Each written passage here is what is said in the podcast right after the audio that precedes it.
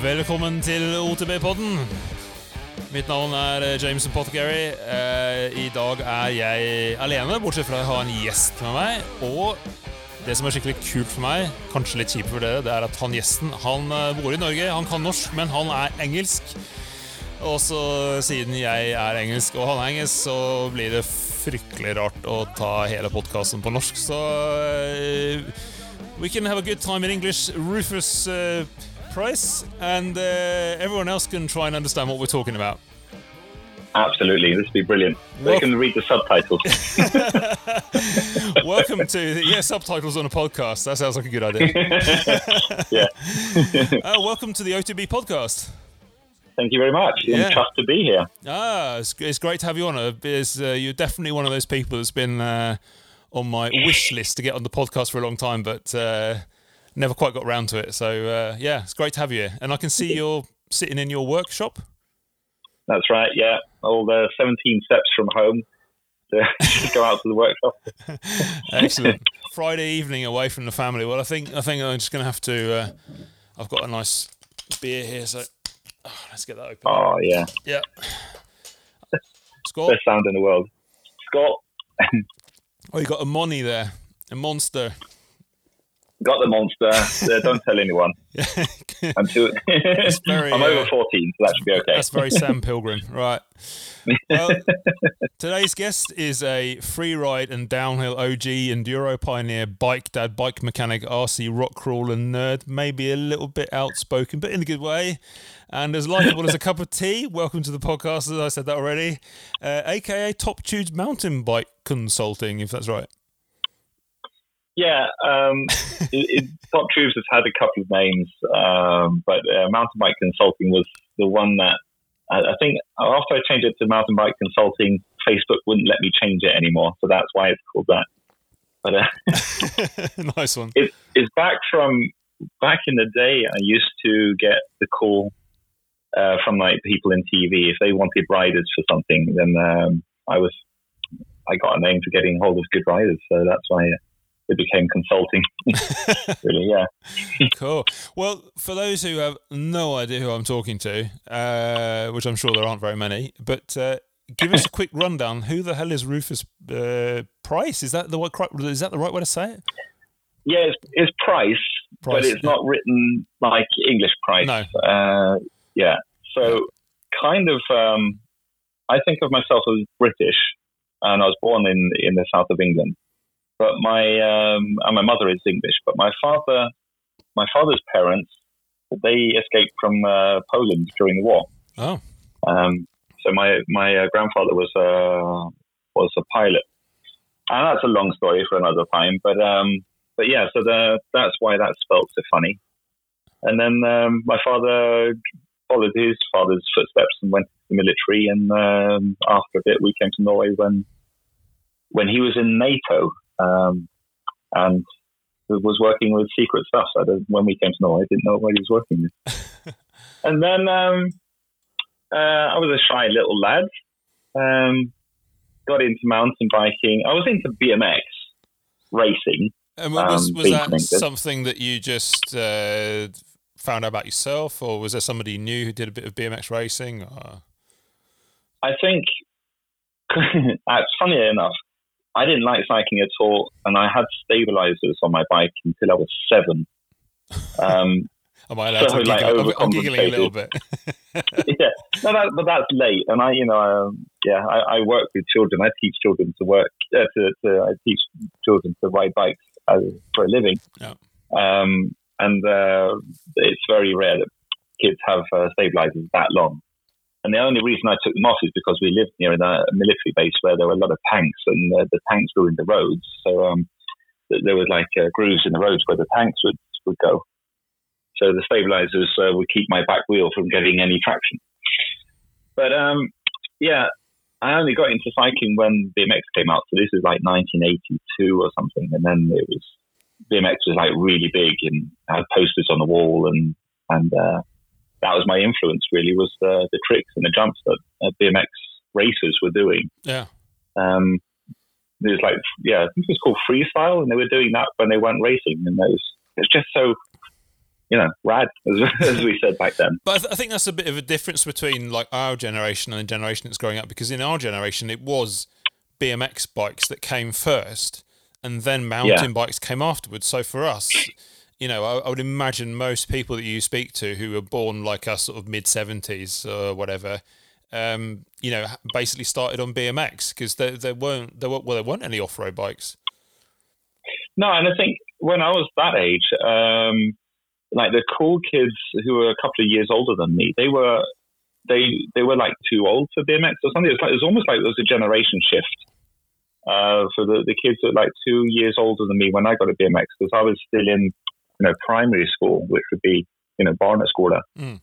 uh, and then the kids that were in ungdomsskola, uh, they were riding like road races, but they turned the handlebars upside down. Yeah, and if you did that, then yeah, and then they were cool, you know. And then you know, I was didn't want skinny tires, and the BMXs came out, and it really appealed to me and, and the mate that I had back then. Yeah, and um, you know, yellow tires and pads on the on the frame, and yeah, obviously I had a Raleigh Burner, a Raleigh Burner, which it was. Oh. I remember saying it wasn't a BMX because it was British and it was a Raleigh Burner. I was so patriotic. If uh, um, if anyone listening doesn't know what a Raleigh Burner is, then I, I, can put a link up for it because a Raleigh Burner was the shit. Yeah. It was it was the dog's bollocks. It was. Yeah, it brings tears to my eyes. I, it, my Raleigh Burner cost ninety nine pounds. I remember it so well, and we bought it at a bike shop which sold bikes and used furniture. And uh, every every Saturday, I, my mum would go and look at the furniture, and obviously took my dad along to do that. And I'd be standing just gawping at this bright red bike with yellow tires. Um, and it, it just, it's like every Saturday for about six weeks. And um, I got it on my birthday, and I, have never been happier. it's just I remember my, my mum said, You're not getting that bike if you don't take the stabilizers off. And I, I worked so hard to learn to ride a bike because I wanted that bike so much. Was it? And the shop gave me a poster and stickers, and yeah. Oh wow! Was it? Was it? It wasn't one of the ones with yellow tires as well, was it? Yeah, it's, it's like the original oh, right. Raleigh wow. burners, the cheapest one. Yeah. yeah, yeah.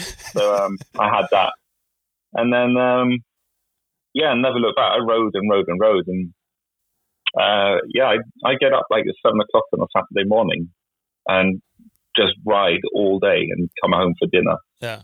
Uh, you know, this is back before mobile phones. You know, you, you had to be, your parents didn't know where you were, so they had to trust that you, you know, did what you were supposed to do and be where you were supposed to be, and then come home for dinner or lunch or whatever. Yeah, that's like, uh, yeah, that's like my brother and I used to do. We used to just like say say to mum, we're going in the woods, and if we said we're going in the woods, that was okay. Like the woods was safe. Yeah. I mean, the woods yeah. behind the house was massive, but it was safe. You know, yeah. as, as, long as you're in the woods, you, you, looked after. I don't know by wolves yeah. or something. I don't know. And we would just like either we would set fire to stuff, or we would climb up trees that were way too high, and sometimes the top would break and we'd fall down, or mm. we would like have one jump you know, that was like the height of a tire, and we, we would literally hit that jump all day. Yeah, you know, that was all we did was hit that jump. And at some point, we would get yeah. bored of that, and then someone would lie under the jump, and then we would hit that jump until we landed on somebody. yeah.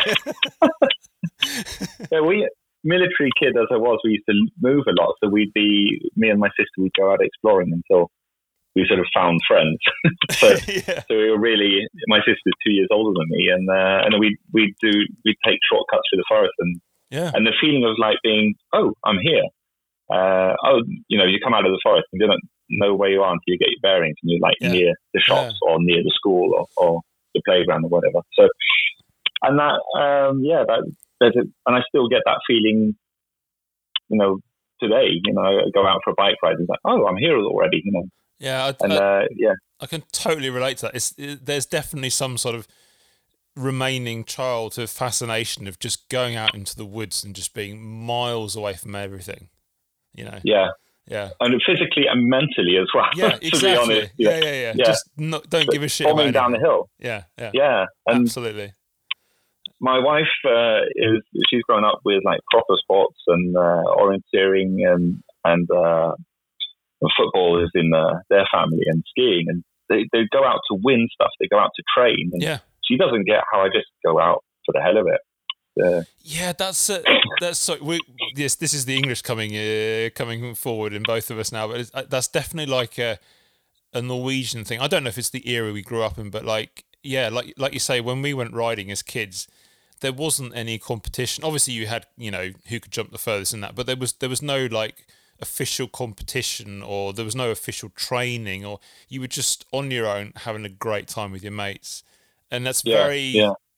very different very big contrast to what i think kids do now where you know they get a bike and most of them will probably join some sort of bike group and then they'll do training and they'll try and get better and then they'll probably do some competitions at some point you know it's uh, Yeah. yeah yeah either that or you know they, they have a bicycle as transport to get to football or handball or you know there's nothing wrong with that but I, I feel I get sad when I see parents go out and get the most efficient bicycle they can get for their child instead of giving them something they can play on yeah, yeah. and uh, I see young kids on like a hybrid bike and they still want to do skids and wheelies but they can't because the bike is stopping them doing that yeah. and uh, it's just it, if, for me it's like you know you're robbing your child of of uh, an important part of the childhood yeah yeah. um, just bicycles to get from A to B as quick as possible.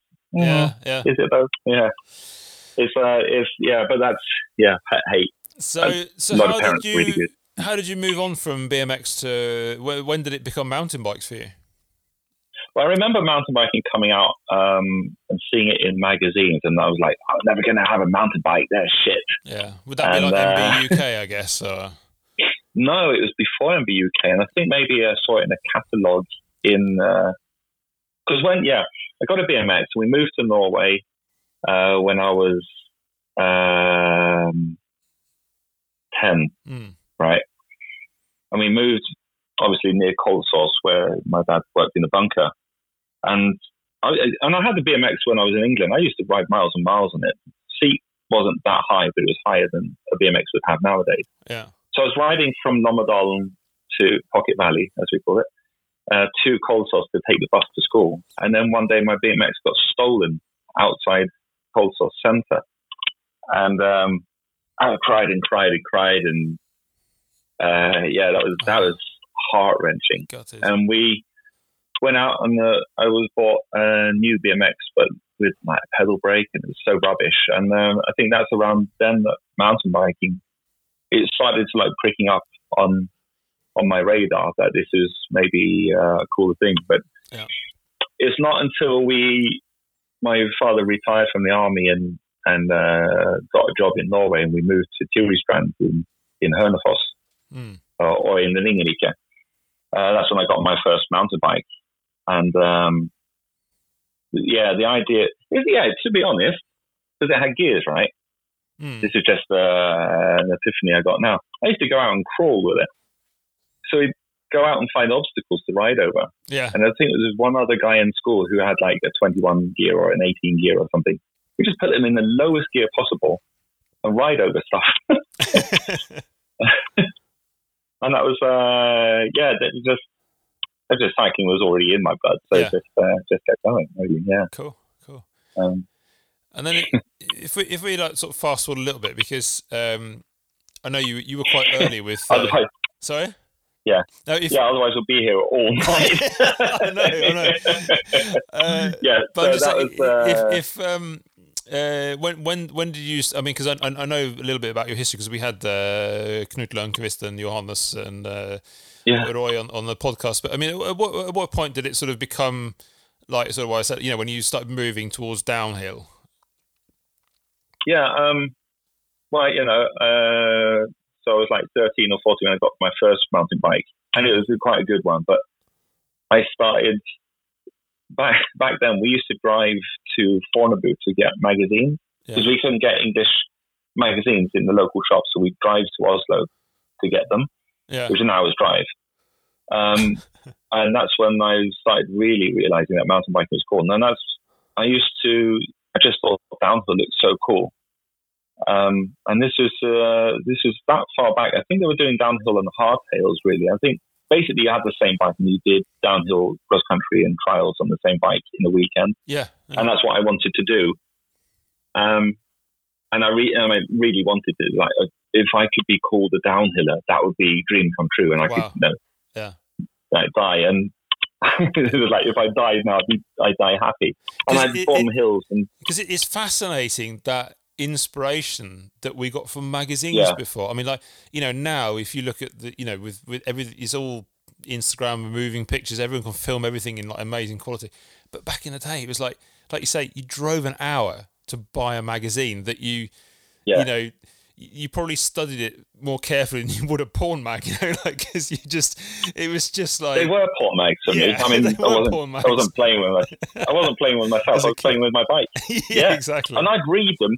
I remember reading from cover to cover. I mean, like every Yeah. single bit of word in it, like Yeah. the, the letters, the And even adverts even and yeah, even the ads were cool. You know, Yeah, like yeah. yeah, yeah, and it was such a such a big thing. And it was yeah, and the, the way that mountain biking was written in those days as well was it was really wittily, it was really funny, and it definitely hit home. Definitely, the way that I communicate is very heavily biased by how mountain biking UK was written. I think. Um, so, so that was um, yeah, and I started upgrading my bike with like a big. Uh, I put like a fifty-three tooth uh, cog on the on the crank, and it was only seven gears at the back. So fifty three. and uh, 53. 53. 53. And, and I remember the numbers because I'm a bit of a, I'm quite a big nerd. 53 tooth. I was actually got the cog in the workshop still. Really? Um, That's epic. Yeah, I had 52 centimeter wide bars and a 20 centimeter stem. As, uh, and then I remember uh, I bought one of the I bought a uh, uh, suspension fork for that bike, um, and it got imported from America by the guys at Glada Hjul up in up in Hønefoss. Big out. I've always, yeah, that's one that I really love Glada Hjul. They do they've done amazing work. Um, but they imported uh, RockShox Mag 21 for me, 55 millimeters travel. Oh my god. And I think someone said to me, "Why do you need that much travel?" yeah. that, that can't have had any sag on it. I can't even remember it. Uh, it was, uh, and you had to pump it up with a with a football pump, Yeah. or, or ne- you know, pump needle to to get any pressure in it at all. But yeah, that was that was the nuts nuts. That was so cool to have that. Yeah. Yeah. Um, and I, I met another guy, and we used to ride in the forest. I have this memory of looking behind me, this guy catching me up, and I could see his suspension fork working. Uh, and I was just like, wow, that's so cool to see. Yeah. Um, yeah. And that's, uh, so that was, I don't know what, how old I was then, like 17, 18 is when I started having pocket money and, and doing jobs and, and stuff to make money to buy bike parts. Yeah.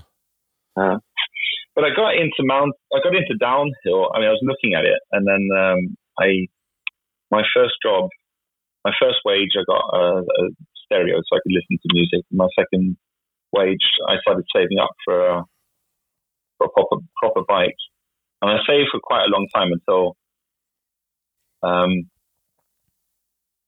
I bought a, I brought a ProFlex frame, seven fifty three, I think it's called Yeah. like an elastomer rear shock and managed to hook that up with parts. And that was like 50 millimeters travel at the front and back, up and down, and about 70 millimeters travel side to side because it was that flexy.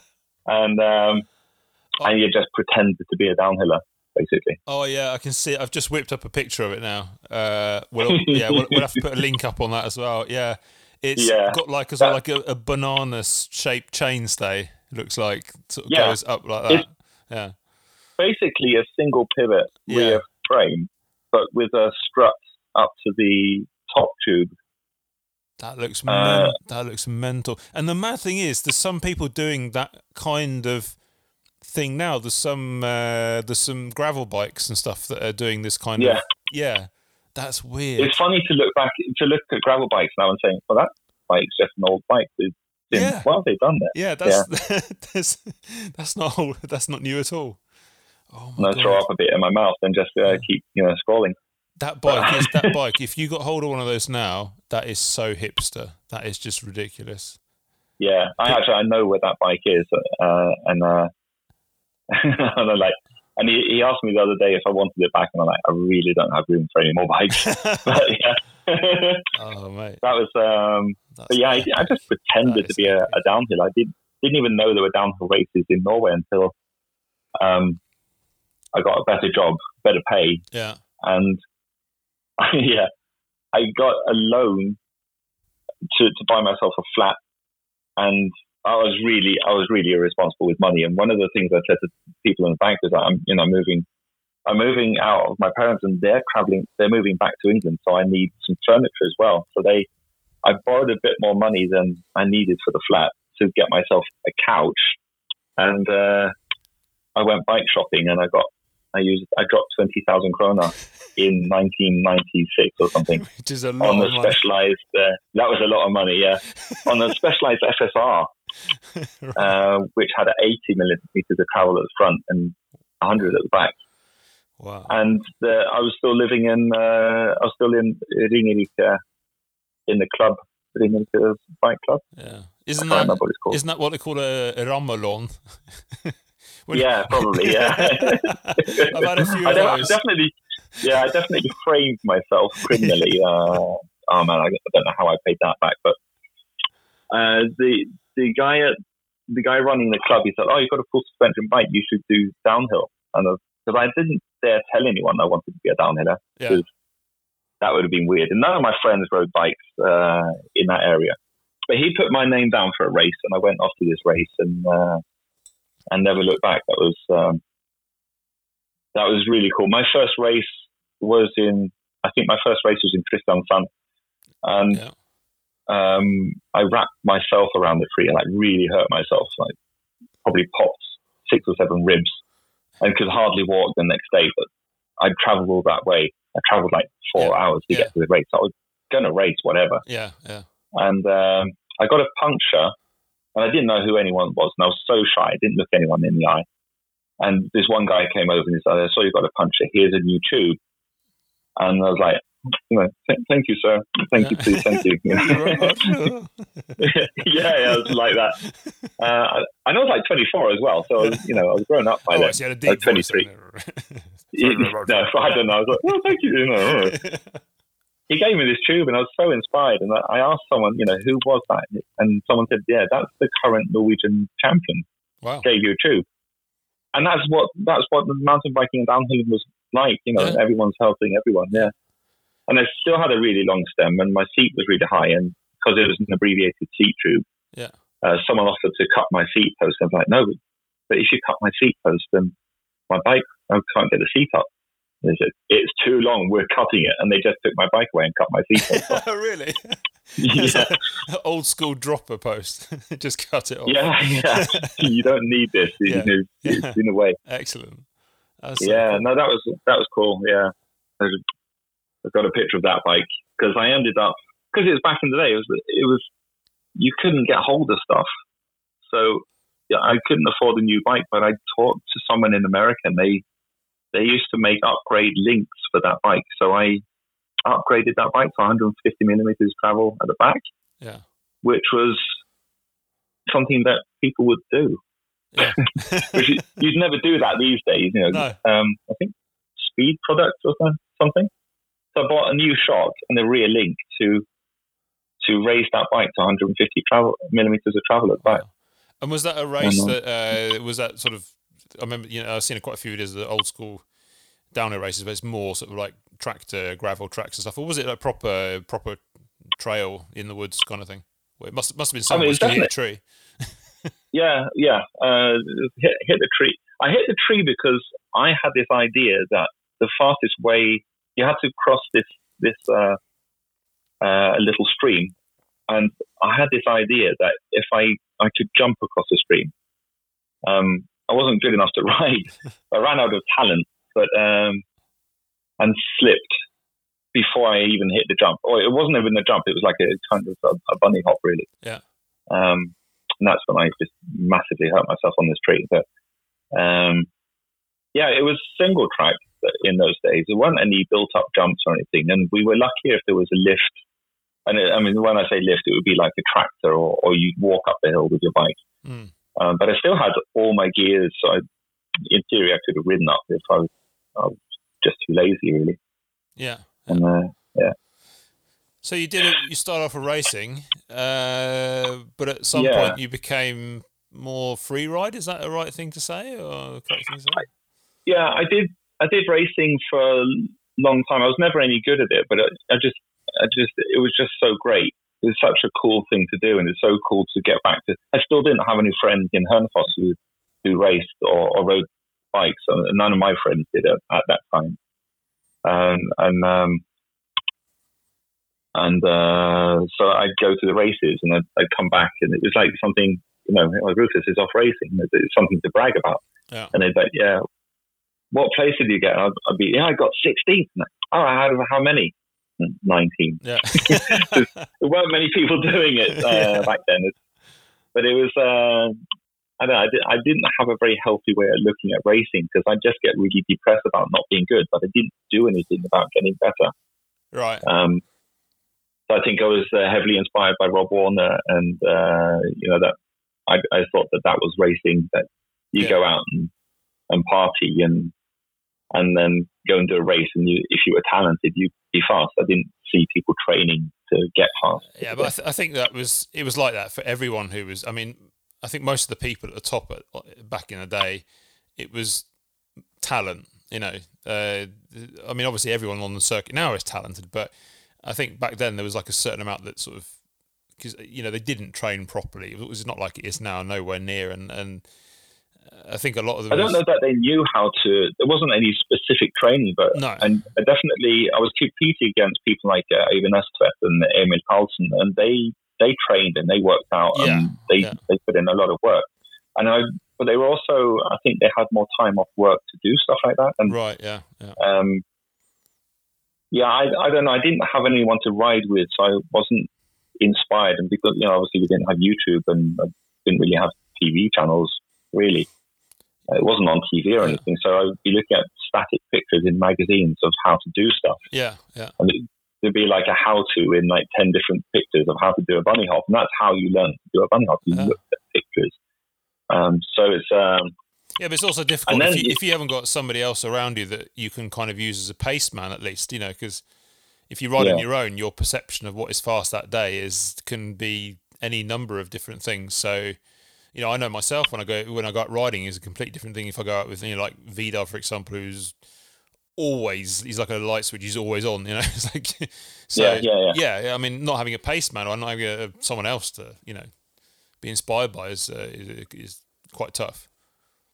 it's it's yeah, it's kind of ironic because every time I got into like a group of people that would start riding, then I'd move for some reason, get for a better job or Yeah, or because uh, yeah, my first job was in was uh, working in like building equipment, uh, building materials, and then I got a job in interior, uh, like uh, carpets and paint, and cycling was so expensive. I was like, okay, I'm gonna I'm gonna apply for every I'm gonna apply for a job in every bike shop I know of, yeah, and uh, and my Norwegian wasn't very good, although I speak Norwegian daily. I remember in my application I wrote that I spoke uh, Norwegian fleet. No, I didn't say that I spoke Norwegian fleet. No, I said that I was fleetner in Norwegian and English. So right. uh, that didn't. It, it just didn't mean anything. So I didn't get a job in any bike shop at all. Um, and that was back in the day with City Daylist, uh, when that was Yeah. well, I haven't been there for ages, but it was like like going to uh, Jerusalem if you're religious, Yeah, I, I, or something like that. I don't yeah, know. yeah. Anyway, um, I got a job in a bike shop in Sandvika. Yeah. Um, and I quit my job at Teplan like that day. Like, I got a new job. Bye. yeah, yeah. Just left. It's bikes. And I'm like, leaving. your contract. Yeah. You've got a contract that's free. I don't care. You know, we won't pay you the rest of the month. Don't care. Yeah. I just get get me to this job and I like started the next day in this bike shop which and they paid me from the till. He'd take cash out of the till and pay me and I was only getting like eighty kroner an hour. But I went down in ways to work at this bike shop because it was, you know, awesome. yeah, yeah, Um, and um, and then I got to know was Hard Rocks were in the the importers for Manitou, yeah, and the shop sold Specialized, I think, and Pace. So, um, and things were expensive. So I, I got a Manitou Expert 10 centimeter fork on my on my Specialized and made it a real downhill bike with 10 centimeters travel front and back before I rebuilt the rear frame to 150 and put a. Oh yeah, that's what. Yeah, and I put a Pace Monster 150, Mm. which I'll probably put on my Instagram because someone gave me that fork back. I've got it hanging up in the shop. I'll put it on my Instagram uh, later. Um, and it, yeah, it was all about the parts. It's a carbon fiber fork, and this is 1998, I think. That's pretty early. Yeah, it's it's an awesome fork. It's so old that the plastic inside is just deteriorated. So I can't because I was going to take it apart and put it on the trail bike. It'd be cool. Mm. Um, but it's it's just hung up for. Yeah, I'm not going to do that. I can't afford to. I can't afford to do that type of thing. But yeah, because I, I yeah, I upgraded. I, yeah, it all goes into one. Yeah, I was doing downhill. We were riding a stronger sedan, yeah. and I started riding a stronger sedan because I was actually into motorbikes, and I went to Rudskogen and did uh, a track day with a friend, and I was on I was on like a Paris Dakar motorbike, but he lent me the XX, the Blackbird Okay. and because he worked in the motorbike shop. Anyway, I was doing these laps, and we were doing like 230 on the long straight, 230 kilometers an hour, which is scary as hell. Yeah. But you, if you weren't going that fast, there was kind of no point in doing it. I was really pushing myself. And the next day, uh, I was, you know, I was driving home from that track day, and I stopped by Cykeldealist, and they invited because I had a downhill bike no, maybe I was still on the Proflex. Anyway, they invited me to go to from set, and then I went. I drove home to Hønefoss, changed my clothes, and, and grabbed my bike and got on the next bus to Oslo and met up with the guys in front, uh, up in Frognerset. And, and 30 kilometers an hour on on trails was more fun than 230 kilometers an hour Oh, really? Wow. on on the on a Yeah. motorbike. Yeah. Yeah, I just I, there was no turning back from then either. Yeah. So that was lots of big moments in my you know career, but uh, it's a bit difficult to because it's so long ago. I can't remember when was what Ah. really, but yeah. And then yeah, so I was riding out Frognerseteren for years and years, and that's when um, and I was doing downhill races for as much as possible, Yeah. and I don't know moved moved from Hønefoss to Lillestrøm for some reason, and then uh, there was a race I couldn't go to, and th- this was the internet started up, and we were a lot on something called utfoy.com, Yeah. and uh, which is a forum, and um, I just invited a bunch of people that I knew weren't going. You know, was anyone else couldn't go to the race? Let's have a big jump competition at Frognerseteren, Yeah. and just you know bring bring some hot dogs and uh, and some grills, and Cool. we just hang out by the uh, by the elk and do some jumps. Yeah. And it, I think I said something like it was going to cost fifty kroner to be part of the competition, and everyone put fifty kroner into a hat, and then whoever did the best jump would get the hat and and all the money. Uh, and that was the, the incentive. And I think we were like twenty people at that first time. And um, one of the guys turned up. He was the importer of uh, Azonic, so it's Anders from Dunkedalen. Mm. And he said to me that if you give me the money, I'll double its worth in parts, which he had in his car. Yeah. So um, I was like, 15 or 20 people turned up, uh, put all that money in the hat. Anders took the hat down to his car and came back with a lot of stash. Wow. And everybody got prizes. Oh, and so that was cool. like the first, uh, yeah, that was the first Frognerseteren Freeride Festival. Ah, FFF, Um, yeah. Because I was going to ask. yeah. I mean, you've answered the question already. Because I was going to ask, you know, how, how much at that time, how much stuff was built up on those trails at Frognerset, and you know, jumps or drops or whatever. Was it all pretty rickety, or was it fairly? Yeah. Yeah. It, but it was, it wasn't that rickety, but it, I mean, looking back, Sketchy, I guess. It was, people um, understand. Yeah. Yeah. yeah, it was definitely sketchy, and it was um, it was built by riders for riders, you know. And if it didn't work, then you you kicked it down and you made it again. Yeah. Um, to be honest, I, I never enjoyed working on the trails, but um, I really enjoyed hanging out with people and maybe I don't know, maybe motivating people. I've never been that good at riding, but I can see what other people are doing wrong, or not not necessarily wrong, but I can like, okay, if you just do a bit more of that or do a bit more of this, then um, and that gave some results to people that I, I could help them get over jumps, but I couldn't get over that jump myself. Yeah. was quite annoying for myself, but um, yeah. Yeah, it's good to be a, Um, a motivator and a bit of a mentor for people as well. yeah, we. I started hanging out with my one of my best friends. So I we call him Big Eric because he's quite tall.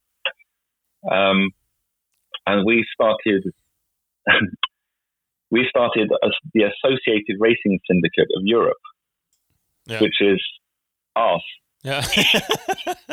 I just thought that was really funny. So we were Associated Racing Syndicate of, Europe. We wanted to be associated with the cool riders, and he's a photographer, and I was I just knew everyone yeah. because by then I was probably working in bikes and boards, I think. Or maybe I was still at, I met him when I was working in Lillestrøm and then I moved on to Deler IF before going on to Stian Sport, uh, before ending up at bikes and boards. Yeah. And uh, yes, I got to know like everyone. And I was racing as well. So we'd, we'd invite people to do these, uh, I, yeah, we doing shows as well. And then the Free Ride Festival took off because we, we just had so much fun. So we didn't like wait a year to do another festival. We did two more that first year. Mm. Um, and that became, I think we did like 12 festivals over three years. Um, but, at, but at the end of it, there were like 200 plus people Wow. and it was a three day festival. Yeah. people traveling from all over the country and Sweden and, Right. and stuff. Um, and that, that could never work these days. It, it's a shame, but I'm so happy that I got to experience it. And, uh, Yeah. Because it was so underground and it was so low key, and everyone, because you could be part of it, you could ride along as a spectator and suddenly get points because you did a wicked wheelie or or or, or something that the judges would ride. You, you'd have some people. It costs the same to, to be part of FFF, whether you are a spectator or an athlete, or as we call them, mortals and immortals. Um, and uh, so you, there was several names that turned up, and they could do all the tricks, the, the long wheelies and big jumps.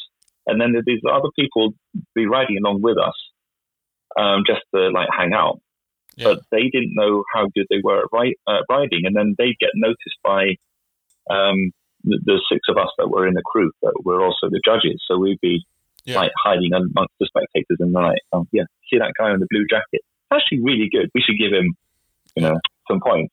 Sweet. So uh, yeah, and then we we kept on just having lots and lots and lots of prizes and giving them to as many people as, as possible. So that was um, Because I guess such a such a. I guess if you if you I mean I know that they had like a little quite sort of unofficial downhill competition up at Tryvann last year or the year before or something like that. Um, Mm. But I guess if you had something on the scale that you- you're talking about, it, you just like nowadays you just get shut down and caught up in red tape and all you know.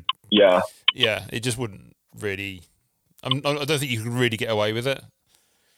No, I mean, there's so many. It's like probably with so many mobile phone cameras now Yeah. that people would take pictures of what's going on, and it would be very easy to get a face to. Because we couldn't get permission. Uh, we tried. We talked to like the Holmenkollen Vel and Frognerseter Vel, and talked to the Friluftsetaten and the Sporting Kultur, and everyone just kept passing us on to the next person. Oh, oh, you want to do that? You should talk to them. You should talk to them. And and then like, is you are you part of an organized club? And it's like, no, we we are from this episode. We are FFF, the six of us. And like, well, you have to make a company and you have to do this. I think it's too much hassle and paperwork for us, so we didn't bother. Yeah. And we had some big jumps. I um, and because it was underground, everyone we got a lot of contacts, and someone I think probably should remain anonymous, but he arranged for like seven trucks of dirt to be delivered up to uh, from the September or just near Midtstuen. And I got the day off work to be there and to make sure the trucks delivered the, the earth and the dirt in the right area. And I remember someone came over and said, "What's happening here?" And I and I said to them, "I don't really know. I just work here. I was told to stand here by Audun. He drives a Saab. I don't know. I just just pretended not to know anything, and then Yeah. these trucks would like back in, you know, Yeah, yeah. deliver their dirt, and I'm like, yeah, put it there, and um, just pretended not. To, So, just pretended I knew what I was doing. You know, it was so underground. It's so yeah. And then if we, when we were doing the actual events, then we'd clog up the the the um, the train that goes to the top of the mountain or the hill. We clog it up with bikers, and but the people who lived in the area, they they knew us because we were on the train all the time. So just like, oh, there's a lot of people on the on the train today.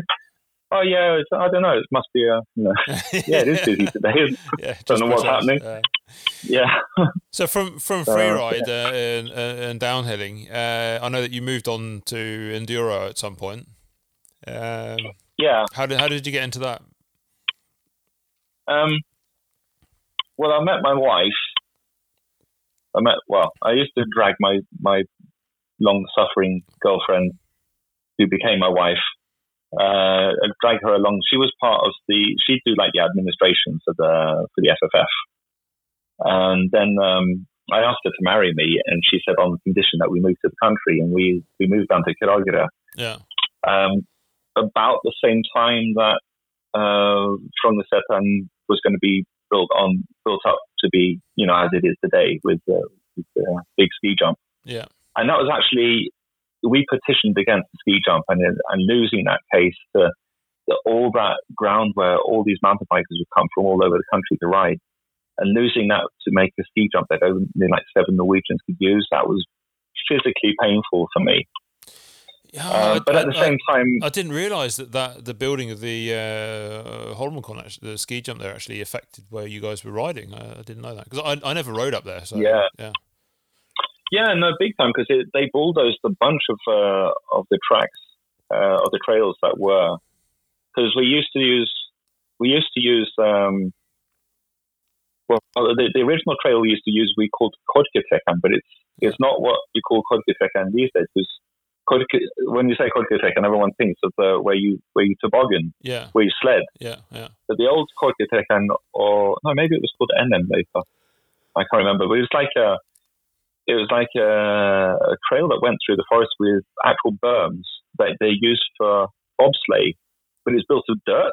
Mm. And that's where we used to ride, and then we'd we'd have trails that came in and out of that as well.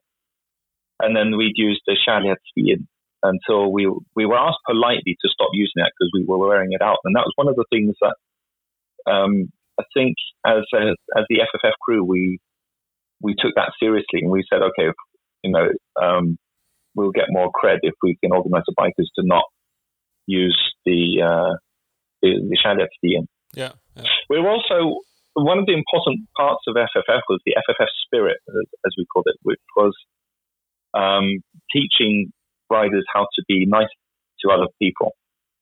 So, what, like if you were riding in front of the step, if you're caught up with like a dog walker or, Mm. or just people in the park, then slow down because we knew that we ha- could have another run. You know, so it didn't matter. You know, even if someone was in the way of the jump, we would should never get angry with people because we were worried about being thrown out of the forest. You know, not being allowed to ride anymore. yeah, yeah. So that was a really important part of of like how well it's how I want to be. You know, you know, pay it forward and be nice to people, and, and then you'll you'll get good karma out of it. Really. Yeah, and creating a good culture with you know not just amongst bikers but with the local people as well. Yeah, and so and being and daring to be like a bit policey on the train. So like uh, if if me or anyone else from the crew, they might want to remain anonymous, but um, they might not. it was me and Big, Big Eric and Klerner and Putit and uh, and uh, and the guy who's an actor. And because it was all around the ground, so probably shouldn't use their real names, you know. But if you know who they are, then you know who Yeah, they are, and then yeah. you know you should be uh, yeah get their autograph. We, we got to be so well known that someone was talking about.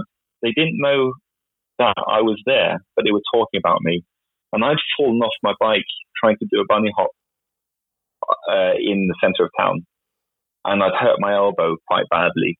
But I was still riding, and then we were on the train going out to Frognerset, and there was some kids behind us, and they, I think they said like, "Yeah, I've heard that Rufus broke his arm. He was trying to jump his motorbike over Akershauber." it's so exaggerated. And I just tried to do like a meter and a half long bunny hop in there. Uh, yeah, so it, it, was good times, definitely good times. But it was, it was like before, you know, phone videos and yeah. and uh, internet properly. So it was like word of mouth and, yeah. and uh, So, so you moved into the so, um, country. Um, yeah. yeah, I moved into the country. Missed the free ride really badly, and um, one of the guys who would come to the FFF from this area and I think he was only like 13 or something when he first first came to FFF, and I was 30, so he's a lot younger than me. Uh, by the time I moved down here, he was uh, like 18, and he was like, "Oh, you're moving to the area. I'm going to be your friend," uh, which which sounds it could sound weird. It's just it's just a really nice thing to. It made me feel so um, welcome out here because mm. there were no mountain bikers in Kragerø at that time. And um, so we started hanging out, and then I opened my, I opened a proper shop yeah. um, at Top Tubes. So I started that in 2007 from home, and then in 2009 I opened the shop, and there were like no mountain bikers in the area, so it was kind of, what are you doing? People come in just to see you know, oh, so when when you're going uh, broke, then when you're going concurs, we'll, we'll, come back to that sale. So people were really rude about it. It was horrible. And then this guy, he just uh, he'd come and hang out in the shop, and that's Bengt uh, Stensson. Um, and we were we found out about the Avalanche Cup, but you know the Mega Avalanche. Yeah, Mega Avalanche. And yeah, they, yeah. yeah, and they did also an, an Avalanche Cup, and there was one going to be in Scotland and we were just um, sitting around in, in a shop with no customers, talking about mountain biking and dreaming and drinking energy drink. And we said, yeah, we, we should go there next year. Yeah. And so we put our names down for the race like the next spring. And um, we were going to train, which we didn't. and uh, why, why break a habit? yeah, you know, yeah, we drink ourselves. yeah drink, we're drinking energy drink drink at least. Yeah. It's not alcohol, so that's fine. And uh, yes, yeah, so we went to this race um, kind of on an impulse. Got on the plane, rented a car. that was the that was the first time I've actually I'd driven a car in England. Well, I was in Scotland, but the same. We got in the car, you know, we had music and our snacks and, and everything and GPS to find out where we are going to go. And I think we drove like 100 meters and then to turn the music off and we just really concentrated on driving because we were so worried about driving on the other side of the road and we didn't eat a single snack. And uh, it was really difficult to get to Ae Forest because the area is called A, like AE. Yeah. But we, you know, asking for directions, and I remember calling my wife and said, "How do we get to Ae Forest?" And she said, "Yeah, you go, you get along to A town, and, and then you have to find a pub, and then uh, what the fuck do you mean by a pub? Oh, the a pub. yeah, yeah. Not just yeah. any pub. Anyway, yeah, yeah, a oh a e pub. Okay, yeah. Mm. Anyway, we got there and we we parked in the parking area, and there were just so many mountain bikers around us. Yeah, and um, and everyone was so friendly. And the guys who parked on either side of us and, and behind us in, in the parking lot, we became became this little gang. Um, there's a, a girl from Ireland, a guy from Scotland, and a guy from England, and, and we're still friends. Like this is 2009, still friends. no, two, yeah, 2009. We're still friends to this day.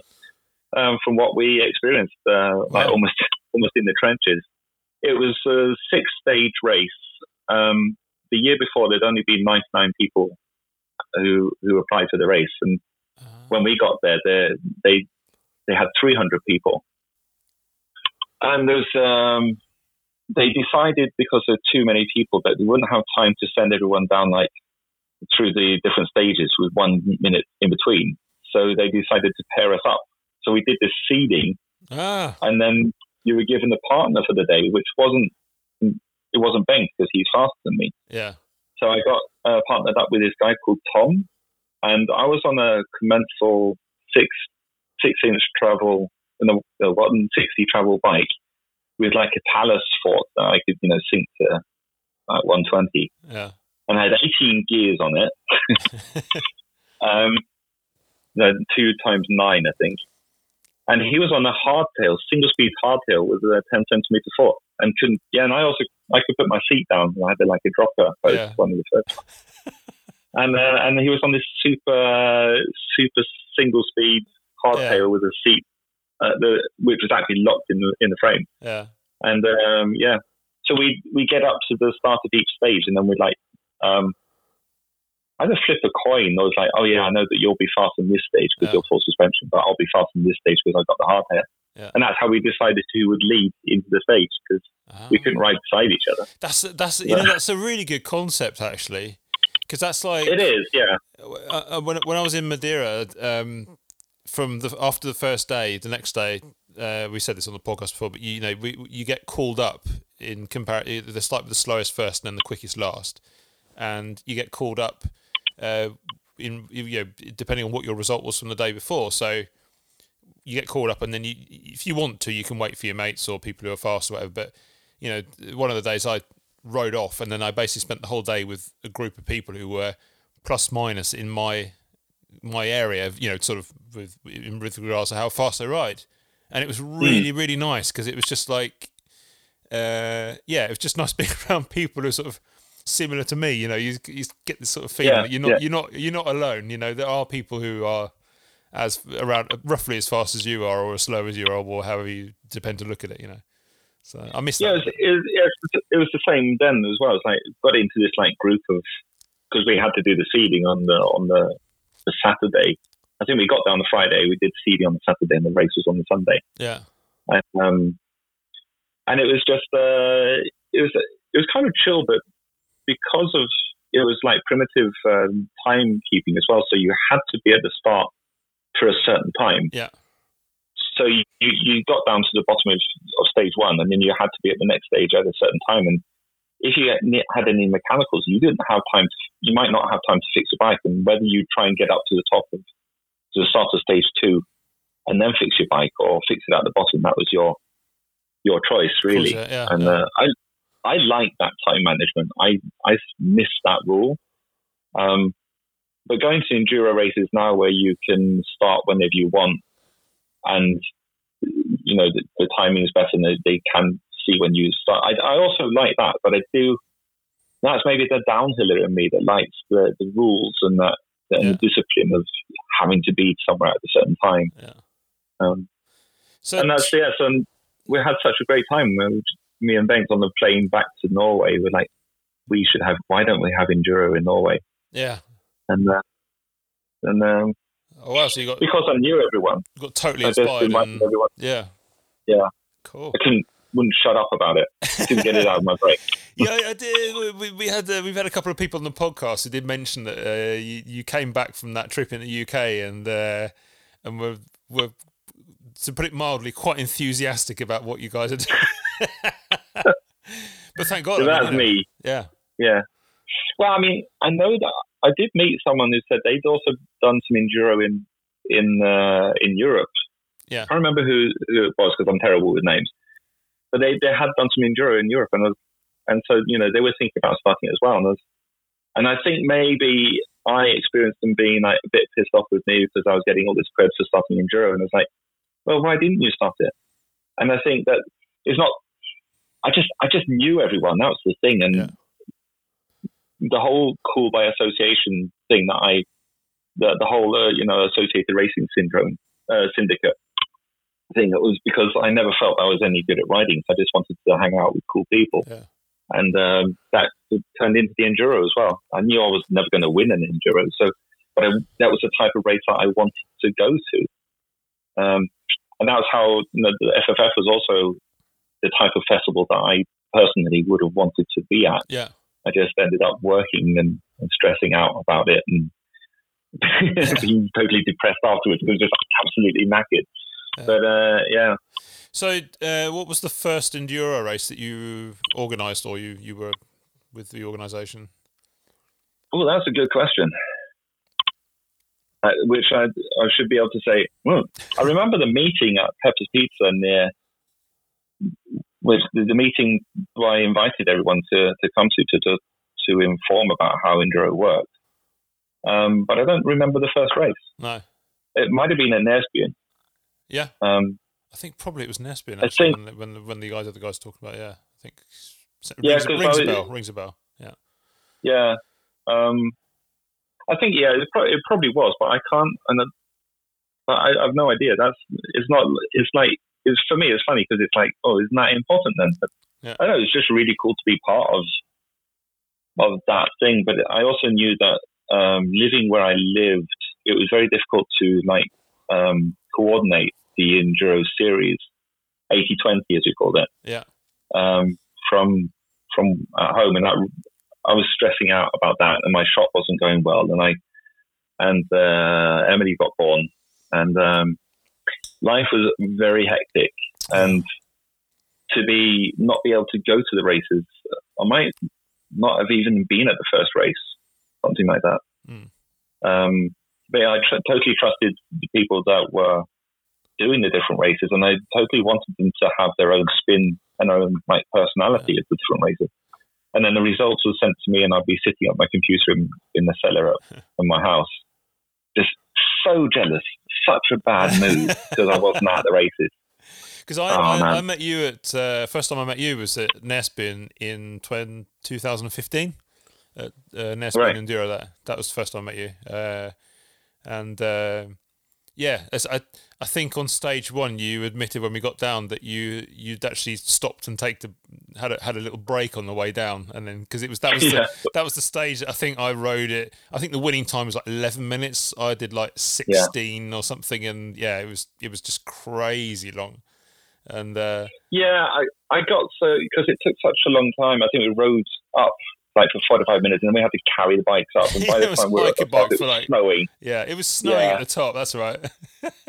and it got so cold and then rode down the hill and um, and it was so bumpy and my bike wasn't working and I met a friend who was sat by the by the side and, and she was in tears and I was almost in tears and and they were like why are we doing this and and um, I thought I've, I'm giving up I'm just going to ride down for the fun of it but I didn't realize that everyone else was having a bad time I just thought that was me because I'm shit and no one else yeah, is because shit that was I'm my the only shit person Yeah, exactly. Yeah. That, that that was my first ever enduro race. I I'd uh, sent a message to Knut Lundqvist and said, "Oh, I, I fancy trying an enduro race.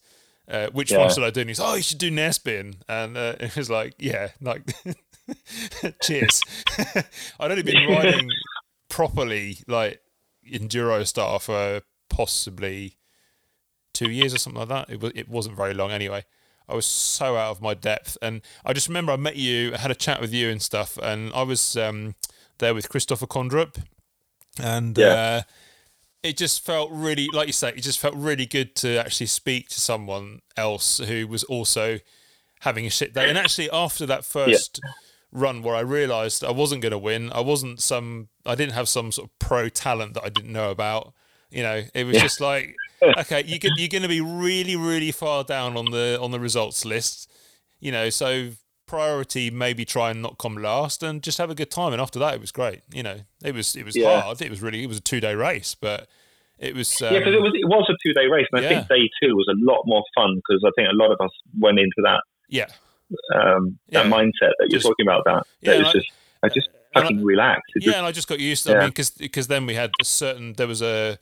Um, you always started in the same sequence of people, you know, on both days, Mm. and there was like behind me that had like Anders Sumner, had Jürgen Tollefsrud, and two or three others who were like really fast riders. And of Mm. course, like the first stage from the top, I think I was overtaken by at least four people on the way down, which was just so de- so depressing. And then, but then after that, I realised, okay, these guys behind me, they are really really good, and just fuck it, you know, they, they're going to catch me up on every every stage. Who gives a shit, you know? So whatever. Yeah. But it was good. I, I really really enjoyed it actually. But yeah, no, it was, it was good to meet. It was good. My point is, it was good to meet you there because I just I, I might not be the fastest, but I don't know that many people have more fun than me on a bike, and I- I can't hold it in. Yeah, and I and that's um, the other thing I was going to ask you about because um, I also I know you, you moved on. You did work with the Telemark Enduro and stuff, and I I, I met you at Telemark Enduro as well. And uh, what was really cool was like you had this enthusiasm for the races, but um, when people started, you were like at the start at the start of each stage, and you were like shouting, "Come on, this is not like in the Sunday afternoon. You're racing, you know, I don't know, whatever." just like you know, just yeah. and and it and that's that's and I mean Norwegians are Norwegians. I'm not dissing everyone, but people do take these races quite seriously, and I do kind of miss a little bit of that. Um, okay, you know Vegard Breyer, he's uh, he's he talked a little bit about this uh, when he was on the podcast uh, quite a while ago, and it's just like just okay, you're here to race, you know, you want to beat your mates and stuff, but there's so many people there who are not going to win. You know, you want to do well, obviously, but it's just like oh, just just just relax, you know, just shout yeah. some shit when your mates start and have a laugh and yeah. uh, you know, sometimes it's a little bit kind of like just ah, come on guys, just loosen up a little bit here, you know. I was kind of surprised how seriously Norwegians took the enduro because the one that, that me and Bengt did in in uh, Scotland, uh, I mean the the, spectre, the the spectrum of people there because we were in the middle. I, I think I seeded like 156 of 300. So I was quite pleased with that, really. Mm. The guy who won it was Nico Voila. I can never say yeah, his name. Yeah, well, but yeah, Nico. Yeah. I mean, Mr. Actual fucking Nico. And I was like, and I remember sitting after the race, so we, we were sat on the ground because uh, it was at a trail centre. They were, you know, burgers and, and hot dogs and beer and everything. And it was just like this festival feeling. And everyone was like, have you gone and said hello to Nico? And I'm like, yeah, I don't want to be one of those you know, can I have your autograph? You know, I didn't yeah. want to be like that. And Bengt has he's, he's, so much more honest about stuff like that. So he'd been and got Nico's uh, autograph and was showing everyone, and I was like, and I was like, I was thinking, oh, this is the, the bad part of being British is like not doing what I actually really want to do, and um, and to pretend to not want to meet Nico. So anyway, I had to go to the toilet came out of the toilets and met him, and my hands were still wet from having just washed my hands in this portaloo. And like, you're Nico, I'm a big fan. And I shook his hand with my wet toilet hands. you know? like, I, you know, I shook hands with Nico, and it was like that was. Uh, I've never cared about. I used to work at Rockefeller. And I used to work at the concert hall, and I met, um, I met the guys from Foo Fighters, and I met a bunch of other, you know, really well-known people. But I was a door guard and I had to like carry beer around and went backstage to, to people. And I never really cared who they were. I wasn't, I was there to earn money, not to listen to music. Yeah. And I've never had this like idol, uh, I've never idolized anyone until you rub shoulders with people and it's like, okay, there are people better than me at riding. And then these, these fucking gods, you know, that uh, I met Steve Peat um, after he became the world champion. Mm. And I asked him what it was like, and he said, "This is this is where my training starts because I finally because it took him a long time to become world champion, right? Like years and years because he he was just unlucky. He got his finger out of out of joint and stuff." Uh, which he pulled back. He, he pulled his finger into place again after he, he almost broke his finger and finished the race. So that's how much of a hero he was like. And I met him and he was like, yeah, this is when my training starts. And he was so humble about having just won. And now, now he's like almost felt like he was starting at the bottom again. And that's, I know it's a bit confusing my relationship with mountain biking because I can't live without it. And racing has always been something I really, really enjoy and really, really hate. Um, and the free ride was like a way of getting the riding without being so serious about stuff. Um, and then the the same with enduro that that was supposed to be like you know Nico at one end, and then there's this one boy that had his bike stolen at the train station as he tried to get to, to Scotland. A, a seven, like his first trip world champion. yeah, and there's this this boy, and he went into Halfords, which is like you know English Biltema, and yeah. bought himself a bike for 150 pounds, and he raced that that weekend, and didn't he didn't even get last, but you know, he I think people were thinking he'd stolen the bike. There was like rumors that he'd stolen the bike because he didn't. He didn't have his proper kit. And I think he was riding in jeans as well. And that's what I wanted enduro to be like. You know, yeah, yeah, racers and just normal street people racing together. yeah, And then it became like really, really uh, serious, and I kind of lost the interest then. Really, yeah, yeah. So you, you, you know, say you're not the best mountain biker, but you, uh, like, as in technically, but which I think is uh, you're being being modest because I've seen you ride. You can ride. You're not. You know, you know don't downsell Yeah. yourself too much.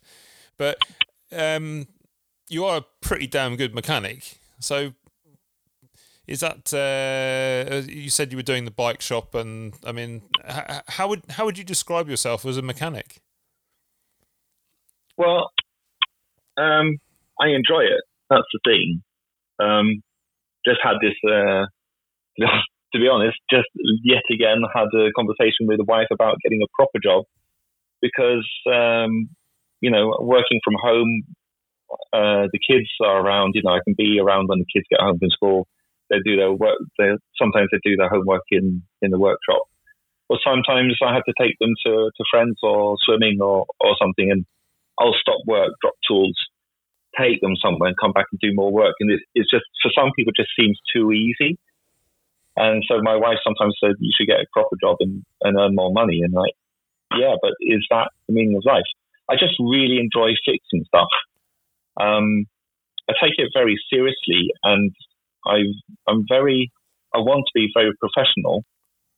Uh, but the day, I, I'll never be an expert because there's always something new coming out. There's always, Hmm. I think my my biggest um, attribute, if that's the right word, my, my biggest gift is knowing how things work. Not so much, not so much like um, I don't sit on online and read about every new product product, Mm. but I have this natural gift to see how things will work together. Sort of thing.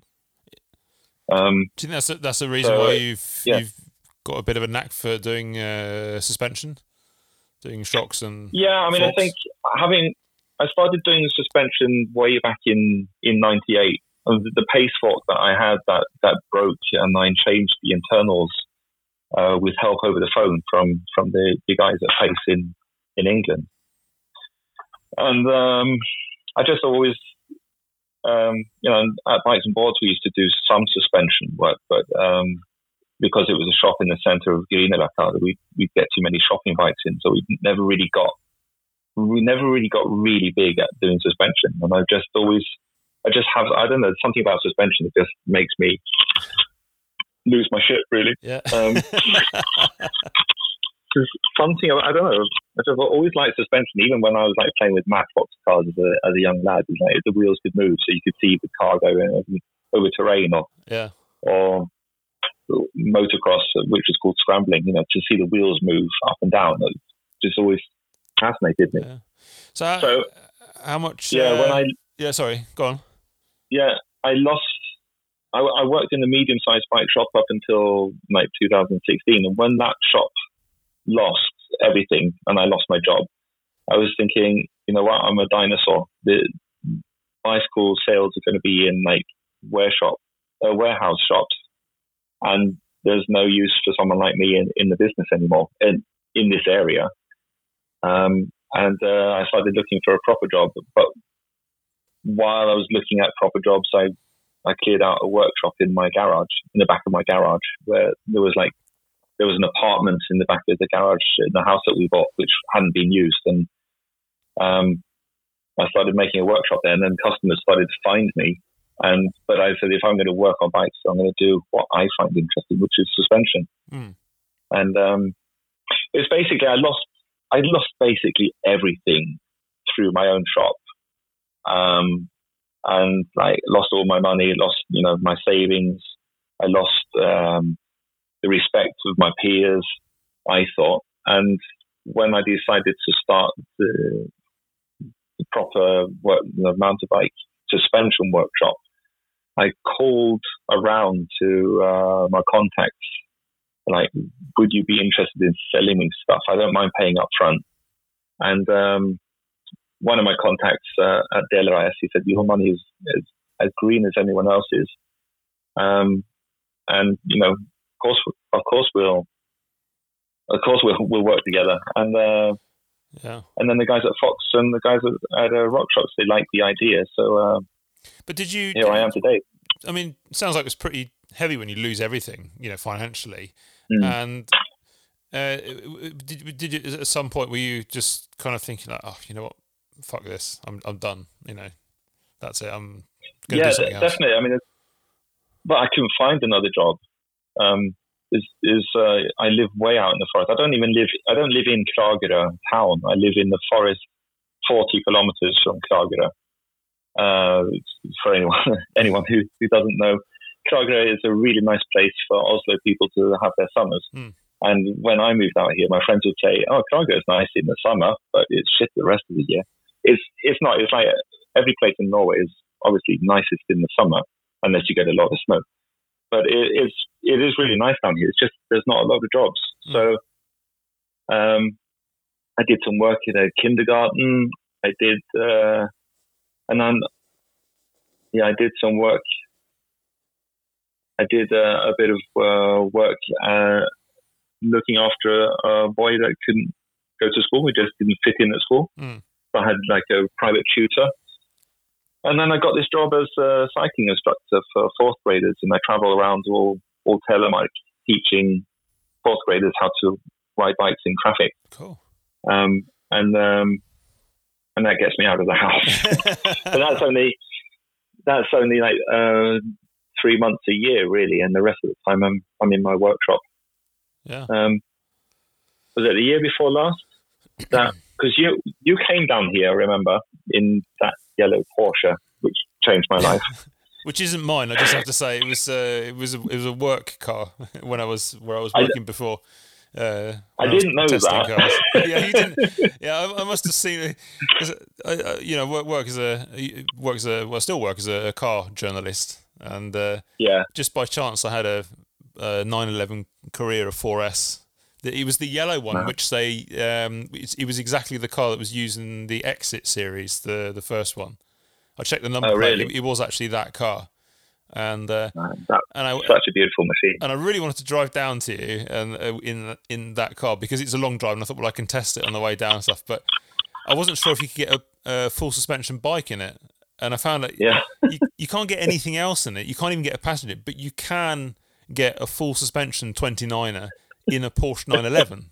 it is actually possible. I, I think if Porsche knew that I'd stuffed my bike in there, they probably wouldn't be too happy about it. But yeah. And um, we went out for a little drive. What, what happened when we went for a little drive, Rufus? Just well, a bit of a digression. I mean, I'll, I'll, I'll, tell you something else, which is a real, a real mirror into my into my soul. When, when I met you before you got to my house, uh, got to my workshop, and I just finished my workday with with uh, at some school, and I was just majorly pissed off. It had been a shit day. The kids were not great. Kids aren't. Everyone's everyone's kid think their kids are brilliant, but in the school, oh my goodness. So it is quite taxing. Yeah. and I have an assistant. I was dropping him off. So he was going to go home, and I, and we saw this bright yellow Porsche, and we like look at that cunt in his dad's car. and we were so jealous. We were just having such a shit day. And we just unloaded. I was sitting in my car, just unloaded on this cunt with a nice car. I'm never going to have anything like that. And I bet it's his dad's car. And you got out of it and you waved and I'm like, oh, it's Jameson. And my, I went completely 180 degrees, like from look at that cunt to, oh, good. This is really nice. And there's a bike in, and I and I walked over to the car and can I sit in it? And I was like seven years old. But oh, I'm sitting in a Porsche. you know, and I say Porsche, not Porsche, which yeah. is uh, yeah. So anyway, yeah, and you you came, uh, and I had a brand new bike rack on the car. And I remember when you passed me on the motorway to get down. Driving was an, another hour to get to my house, and I, I think you went past. Uh, the speed limit was 110 there, so you're obviously doing 110. Yeah, may, may, maybe 111. yeah, oh, that's right. Yeah, it was 100. Yeah, because I remember you saying there's one kilometer difference on the yeah on the Porsche because of the winter tires. anyway, almost blew the bike off the top of my car. that I think that was the thing. Uh, and I got down and yeah, we worked on worked on the bike and then uh, we went for a bike ride. And I remember coming back and, and I was on I was on my orange bike and already um yeah, we went for a little bike ride and I asked if I could take a picture of my bike with that car. And I realized, and I knew by then it wasn't your car. So was it okay if I took a picture of the bike with the car? And you said, yeah. And you leaned my bike against this, I don't know, 50 million. What, what's the car worth? I, I think it was, I think it was about 1.8 or million or something like that. Know, something like that. Yeah. And I was like, Stupid don't lean the bike against the car. the bike's dirty. yeah. yeah. And, so. and then I think I asked you if if you could take me for a little drive. Yeah. Uh, you went a bit And I felt so silly about asking. Yeah. yeah, I was car sick for three days after that. And it, you're not a bad driver, but um, when you did the launch, you think I think you did a launch to stop again from from stop to stop. Yeah, yeah. And I was going to film it, and I just that yeah, I got so car sick from that. I think I asked you to drive me home again because I felt terrible. I didn't. I didn't film it either because the acceleration knocked my camera. I just filmed the, the, ceiling in the car, and then you stopped again. I was like, my uh, stomach said no. Uh, I was like considering walking home. Yeah, that was that bad. Oh, it's a good digression. It was a good day. It was a good day.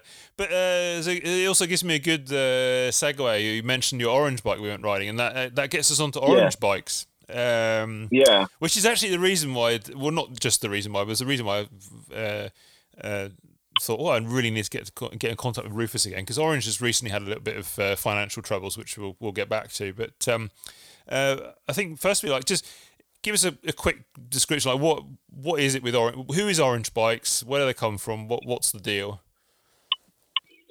Well, having worked with bikes for as long as I have, and I've sold every significant bike brand uh, through whichever, and I've worked in a bunch of different shops. So, like, yeah, any any bike brand you can think of which is quality, I've sold it and probably ridden it as well. And um, I went to France. I've been to um, to Les Gets and Morzine area three or four times, and one of the times I was sat in, I was sat on the side of an Alp with a friend, and he was on a, an Iron Horse Sunday, and I was on a Commençal downhill version two. And we were trying to adjust his rear shock, and it was really difficult. And we started like making like a criteria of how should a mountain bike, what should a mountain bike look like? Like if if we were to design one like from scratch, mm. what we we do. And this is like before downhill bikes were carbon fiber, but um, but a lot of cross country bikes were. It was like what you need. You need a simple bike, you know, for, especially for downhilling, which was so. This is 2010. What you need, you need a rear a rear frame that is strong. You need uh, a rear frame system which is easy to work on and has low maintenance. You need your shock to be able to, to get your shock in and out, change it and set it up and tune it and just get at it really easily. So that was our criteria. Mm. And then um, and then we, we started looking at, at different bikes and how easy they are to work on, as opposed to how you know sexy they are. Mm. And at that time, a lot of really, and there still are a lot of really really nice bikes. But then you start looking at them, it's like well, it's not very practical to have the rear shock.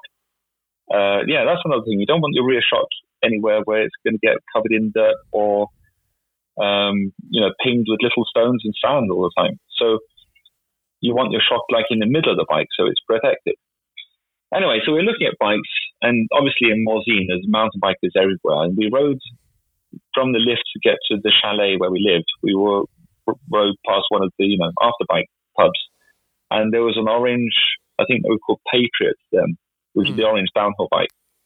And we looked at it, and we were both like, "It's just because we we were this is my mate Kieran and we're both English and we're like Patriot and we're like uh, it's such a good looking bike. Why don't we see them in Norway? And um, and then I don't know, kind of forgot about them because that was uh, it. Just we were like, yeah, that just hits all the criteria that we think a bike should be. You know, simple, easy to work on, and and that. Anyway, uh, fast forward to what 2000 and So 2016 is when I opened the shop officially in that I'm working in now, my own Top Tubes again. Mm. Um, now 2017, I think I realized that no one was importing orange to Norway. There was someone, and yeah, I called up Orange to say, could I parallel import with this other guy? And they said, well, actually, there is no other guy. I think he was just, uh, he hadn't, you know, bought any bikes for a couple of years. So if I was interested, then uh, they'd like to work with me. That'd be fine. Wow. Um, I think, I think one of the things that was funny was that he said, uh, I'm just going to put the phone down. I've got to get my the kettle has just boiled and he was making himself a cup of tea and it just it was so British and I was just like oh this is so cool yeah perfect yeah it's got a brew on um, uh, I'm I'm sorry I'm full of this full of digressions I just raced the World Championships and obviously I'm never going to stop bragging about that the World the Masters World Championships downhill and when I did that because I'd lost everything I didn't have a, a bike and I was going to race that on on the trail bike I had, which was an aluminium Santa Cruz Bronson. Yeah. Which me and my wife, she realized that my mental health and having a decent bicycle are definitely highly connected. So um, we we used some of our savings for me to get a, a cheap bike, and I was going to race the, the the downhill on that. And the guys at Devinci, uh, they lent they got in touch and they wanted to know if I wanted to borrow a uh, Devinci Wilson hmm. um, for the season. So I was on the Devinci and I got I ended up getting uh, um, earned a bit more money and I got the, I paid to the Devinci Wilson and I got a uh, Devinci Spartan trail bike as well, which I love those two bike pieces. But the geometry was getting dated and I realized that if I wanted to get a new bike, then I should stop looking at carbon fiber and start looking at, at aluminium. Mm. And that's when I started looking around, and that's when I got in touch with Orange and realized that for the same price of one carbon fiber trail bike, I could get uh, a, a, full suspension and a hardtail from Orange. Yeah.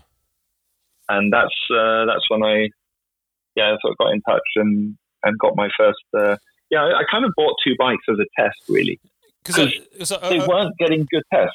Yeah, because I, I, remember when you started, uh, you, you, decided to start bringing them in, and you put some stuff up on social media and so on, and it was kind of a brand that I knew about when when I was younger, and I did a uh, after I finished BMXing, like you, I started mountain biking, and uh, Orange was like one of those makes that you just saw in a magazine. It, it, where, where I lived in the sort of the um, not far from Surrey, where you know Brendan Fairclough and Ollie Wilkins come from and stuff.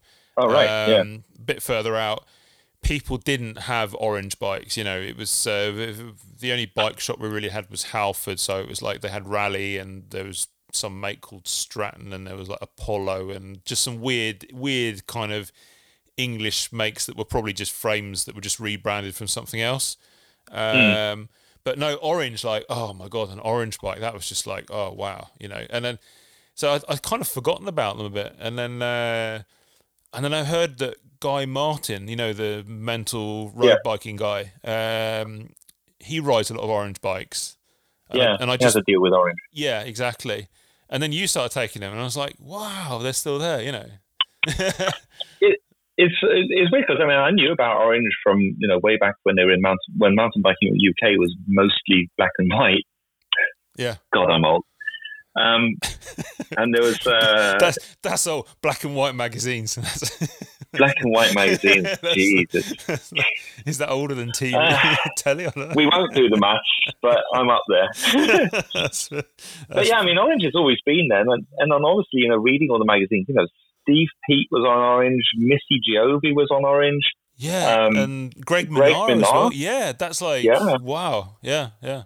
And like everyone who who is everyone. Uh, Mick Hannah as well. I mean, weren't the Athertons on them for uh, before they were on? The, probably, yeah. Thing? I mean, a, a, lot of people have been by Orange, definitely. Yeah. Yeah, and and the, as you say, they were like they were so difficult to get a hold of. And like seeing that one in France that time was like, wow, I've actually seen one in the flesh, sort of thing. Um, but when I started looking at them, I, and I do research um, when I'm interested in something. If I don't know, then I'll look it up and Google it. And so I was reading all these tests about orange. So I talked to them first. I got the prices, and I thought, well, this is something I actually can sell. I started looking at it, and all all these tests were really good, but the comments, like on Pinkbike, people were just really hating. And, I, and there's this. Uh, it, it's really weird how much people and and how much English people hate them. And I think I talked to Orange about it. You know, what? Why do people? What, what do you think about the comments? And they're like, um, you know, people who who comment, you know, haters are always going to hate. Real mountain bikers are out riding. They're not sitting on the comments. Yeah. And, you know, I think who cares what they're commenting? I mean, it's definitely like they've definitely got a, a different look, you know, and it's yeah. and, it, and it is it's definitely like a love it or hate it kind of look. Uh, it you know it, it doesn't it doesn't form it doesn't follow the normal conformity of the mountain bike trends that are going, you know, because you see a yeah. lot of makes where if you, you know, if you if you got like maybe I don't know eighty percent of full full suspension frames that are made now, ripped everything off them, and then just put like a, a silhouette of them up, you know, yeah. you'd have a hard job trying to uh, see which one is what. You know, they're quite sim. A lot of them are quite similar, definitely. And you see definitely like one year someone does something, and the next year, okay, now everyone's moving the shock down there, and you know, mm. high pivot, blah, blah, you know. But yeah, yeah, yeah. There, there, have been like silhouette tests on, on Pinkbike, you know, or silhouette quizzes. You know, how many did you get out? And there's everyone gets the orange, but yeah, all, definitely. so many other bikes. Yeah, I think they probably started that because of the whole hashtag looks like a session uh, like Trek Session downhill bikes, which is a really good bike. I mean, I've had had the Session myself, um, but it, it, was definitely they looked like everything else, mm. and maybe that's not a bad thing. Is um, but now that shocks are so good that uh, you know you can get a lot out of any bike really, mm. and having ridden so many, so many really you know really sexy bikes, which I've not liked the feel of that bike. Uh, and I, I, don't want to sit here and say, you know, you should buy an orange because that make that make is bad or that make is bad. The, actually, the last proper shop I worked at, we were selling. The, there's two really main brands, right? There's Trek and there's Specialized, and in my mind, they hate each other. And I've sold both at different times, and whenever I've sold them, I'm like, you should buy this one because the other one is shit, or the other one is they're doing something, you know, so and so brand is, is closing shops. They want just bigger shops. And, and it's like, that's such a, the wrong way to sell a bike. Um, you should buy this bike because it's a good bike. You should buy this bike because it feels so good to be, to, to ride this bike. But having sold so many different bikes, it's like, there are so few bikes nowadays that inspire me to, to be, and I know the bikes are good. It's just that they're just a bit, um, I don't know this, you know, obviously you're going to be fast on that bike. It's a great bike. Why wouldn't you be fast? But it, it doesn't matter what the brand is. And the, as you say, trends, there's not a lot of innovation anymore. It's just increment changes in, in, uh, in steering mm. angles and then getting the shock in there. And then the all important uh, bottle cage has to fit. So move the shock out of the way to get the bottle cage in. Mm and then people are lapping this up. And that's one of the things I write on on Pinkbike that so and so bike uh, is rubbish because there's no bottle holder. And it's like, yeah. but I'm so old that you know from downhill when we the free ride part of downhill was basically riding a downhill bike, but with your CamelBak on your back. You didn't want any extra stuff on your bike because you wanted your bike to be as light as possible. Yeah. And this new trend to have like uh, like a glove compartment on your bike for your you know, your banana and your tools and, and stashing different types of tools on it, it just makes your bike heavy. I, I don't, I don't understand that. No. Um, it, I wouldn't want a bottle holder on my bike anyway. But the, tell us a little about the single pivot. Because, um, I mean, obviously there's some advantages to it. Uh, obviously, you know, fewer bearings, less maintenance. Um, uh, and it, it, also gives a more sort of uh, consistent suspension characteristics. Is that maybe one of the? I mean, yeah, you, I mean, you've had a Devinci and you've had an Orange. I mean, how how does it feel? How, what is? Well, what I liked about the Da Vinci was how playful it was, and, and you know, several of the other bikes I've, I've ridden. But the problem with selling a Devinci is like it's just another carbon fiber.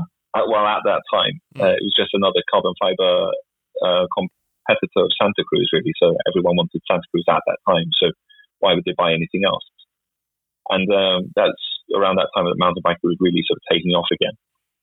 Um, and I got into into Orange. I've read all these tests and I watched all these different videos. And one of the tests that really sort of blew my mind was um, and also this is around the time that like Canyon and YT were getting more uh, headroom in, in the business, and that was also kind of closing shops because you know why go to a shop when you can get a bike cheaper online. So anyway, there was this one test, uh, an orange like Alpine or something, and it was um, tested against an internet brand. I can't remember whether it was YT or Canyon or, or something like that.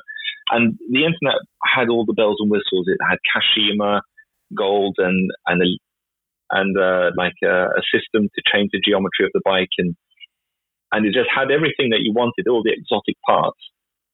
Um, and uh, and it was you got a lot for for for your money on paper. And the bike that all the testers wanted to ride was they they just wanted to have one more ride on that orange because it was just and it was more fun. That it was like I think they compared it to going to the pub with a friend where you're you didn't quite know you couldn't you know it, it was your good friend probably drinks a bit too much but if you got into a fight then that's the friend that you'd rely on he's got your back. He's he's coming. Yeah. He's coming in swinging. bit of a geezer Yeah. You know? yeah, yeah, so don't worry about it I've got your back you know yeah. Ready for a Um, fight. Yeah, yeah, yeah real Totally. wingman yeah, yeah. And um, but you know, I hadn't tried an orange. I'd never ridden an orange before I I imported the first. Uh, I I imported two bikes, and they sent me the hardtail first, Mm, and then the, it was like six weeks before my full suspension bike Yeah. turned up, and I'd already sold my Devinci, so I didn't have. And I hated hardtails at that time. Really hated them with a passion. yeah, Um, and I've been sponsored by you know Giant and Kona and Specialized, but I'm not sponsored sponsored, but you know I got good prices, yeah, and I was always on full suspension bikes, and to have to ride, or rather, the hardtails that we used to ride would be like a, a small size cross country bike with 120 fork, and we'd use that for for four cross or yeah. or parallel slalom. Um, so that was um, that was a type of hardtail, but they were always shit. They're always falling apart. The forks were like breaking. So to get this orange hardtail, which I I think I wanted it so I could have a bike that I could ride with my kids with, um, and still have fun. Yeah. And I didn't want my kids to didn't want my kids to grow up with a dad that was like, well, I have a 29 with carbon fiber and full suspension, and you've got a heavier bike than I have with, you know, grip shift or Mm, I didn't want my kids to grow up thinking that you had to have carbon fiber to have fun. I wanted them to, yeah, yeah. you know, my dad rides a hardtail and he has a lot of fun.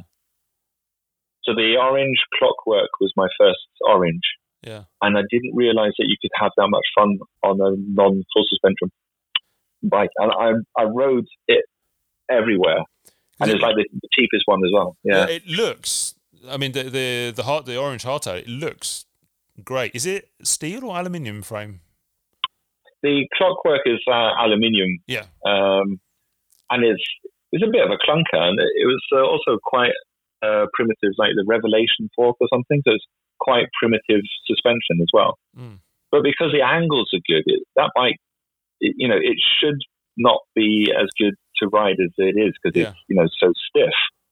But I was having so much fun in the forest, and you know, really getting back to my roots, and I've become this big hardtail ambassador that I think everyone should everyone should have a hardtail as well as a full suspension Yeah. because you get spoiled. You, you get lazy by riding a full full suspension. Go out on your hardtail, learn to ride again, and then go out on your full suspension, and get it to shake like you got your hardtail to shake. And that's that's when you get fast, and that's Yeah. when you get you know And I think if you if you wonder what you can do on a hardtail, just uh, look up Vegard Skoipen on uh, Instagram and watch yeah, him yeah. riding a hardtail through 113 or uh, you know in in Hafjell and whatever. It just it's just like okay, it it's not the suspension, it's it's It's not riding. Yeah. It's, it's the rider, definitely. Yeah, yeah, yeah, absolutely. I think a lot of people talk about how much travel they've got, like whether it's 150 or 160, but and forget that you've got like 60 centimeters of travel in your legs. or at least, Put yeah. your seat down. Yeah, yeah, you've well, that's that's got. where your yeah. that's where the best suspension is because you know you you Mm. you are this amazing, intelligent, uh, live, you know, movable shock to a, you know that can predict and stiffen up and loosen up and oh totally. I think I think um, you know we all we all talk about being overbiked and I'm definitely uh, guilty of overbiking.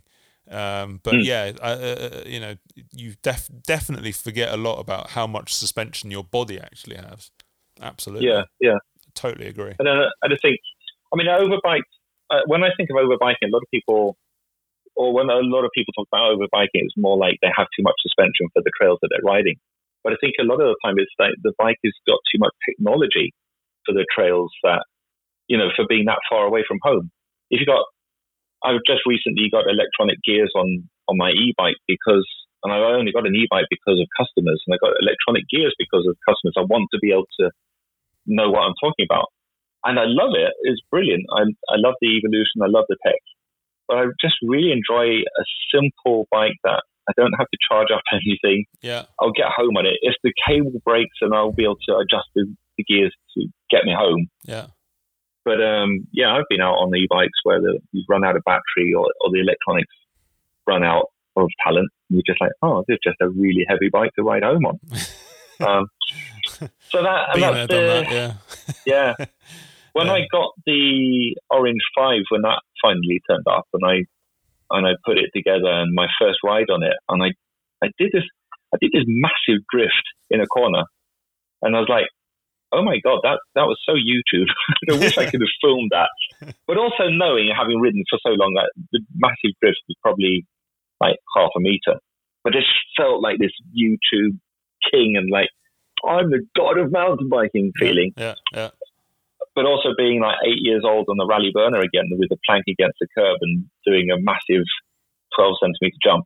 Yeah. Um, so it just gave me this great, amazing feeling. And then, but I was so skeptical because it's a single pivot and every other bike has got a bunch of links and, you know, even, even motorbikes have like a link system. So how good could it be? And people were talking about brake jacking and, and pedal bob. Mm. And um, there's a couple of climbs here which are quite technical. I mean, I'm no crookster, but there's some technical climbs, and I was like, I could get up them on the orange. I was so surprised because on the tests and on the paper, compared to Horst links and WD, DW links and and faux bar, Mm. uh, which everything is to get the rear wheel moving as as freely as possible. That to I don't know. I, I've stopped reading the tests now. The bike gets me up the hills that I want to get up. It gets me up the the technical stuff. Um, it lets me bunny hop and it lets me go fast downhill. And it's just that's all I want from a bike. And also, I don't have time to fix my own bike. I just when I when I have an hour to ride, I want to ride for an hour. I don't want to ride for 45 minutes because it took me 15 minutes to re uh, serve my rear frame or, or something broken on it. You know, Yeah, you Yeah, are yeah. you being a bike mechanic. Uh, the setup of your bike. Are you really sort of finicky about it, or no, no? You just not at all. No, no. I mean, but you know, probably I've got. I'm, I'm definitely the type of guy who I lift my bike a couple of uh, inches off off the floor and drop it again, and then if it makes noise, then I'll know where that noise is on the bike, and then my suspension setup is like um, I find like two thirds of the way down the, the top tube, and I, I'll do CPR on that, and I want the shock and the fork to move about the same amount. yeah. Um, that's how I set up my bikes, and then then I go and ride, and then if it's you know I will maybe adjust a bit, but basically, and then I'll remember my adjustments of. I know that my rear shock on my uh, enduro bike has 180 psi. 165 is bad. 190 is bad, so it has to be 180.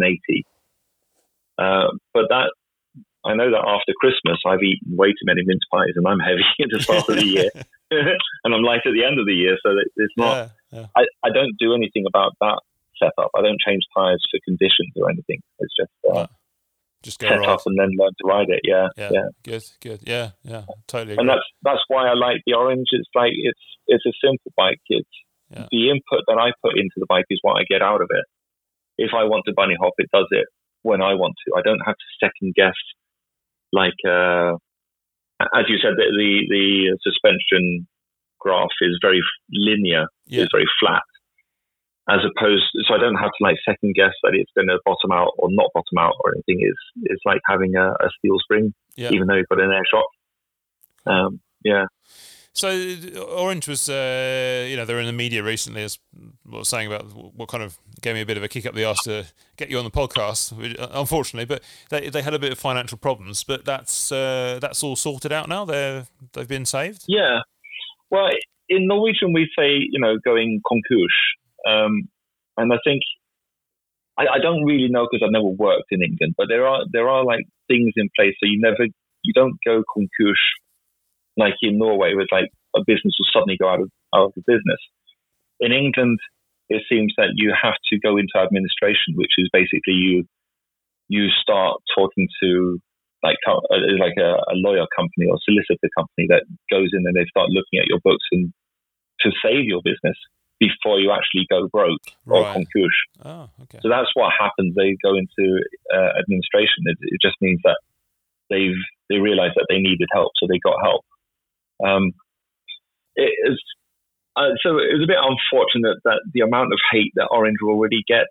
Be, and I don't really know where all this hate comes from. I, I think it's maybe because because England's so small, but also so big. Like you were saying in, in Surrey, people wouldn't have an Orange. Probably because it's a northerner bike. You know, it's from Newcastle as opposed to to the South Yeah, England where you and I are from. English people are a bit funny like that. Yeah. Yeah. But as soon as you get outside the country, it's an English bike, not a northerner bike, sort of thing. Yeah. Um, I remember it was I- like that with um, car manufacturers back in the day when, when England was a, a, big producer of cars. It was, you know, people would buy the car based on where it was built, not what the Yeah. car was. Yeah. Yeah, Yeah. yeah. Yeah. can, yeah. yeah, my dad was into cars, and he'd he'd like yeah. So uh, Very English. Yeah. Yeah. yeah. So anyway, they so they went into administration. A lot of uh, a lot of hate was you know I was reading comments. I don't know why I do this, but I was reading comments. There's one comment I read on Pinkbike was like, yeah, well they make bikes that no one actually wants, so I don't know why they bother. And there's this whole sounds like a filing cabinet full of spanners pushed down a set of stairs. That's so pinky, And- is that? is. so pinky. Yeah. So hater, you know. Yeah. Yeah. And and but when you start, and that's that's the thing is you take a step back from whatever you're doing and look at it, right? And if you want the lightest possible, or the, the the shortest point, no, the shortest line between points is going to be a straight line, and the straight line is going to be if it's shortest, it's also going to use the least amount of material. And so when people say like an orange bike, oh, they're so squared off or they're so straight, it's like, yeah, well, that's the easiest way to make a strong construction. Use straight lines. Yeah. Why use wavy lines where you can use straight lines? Unless it's a wheel, obviously. Uh, so, you know, straight lines there, they use an elevated seat stay, no, elevated chain stay, uh, which is also a good thing. The chain is not going to hit your chain stay. It's not going to make a lot of noise there. So I don't know where the people are saying, you know, these are noisy bikes. They're, they're not. Mm. Uh, it, it annoys me, and I shouldn't read the comments, but it's uh, I don't know. They're different, and I don't think I think that maybe threatens a lot of people. Yeah.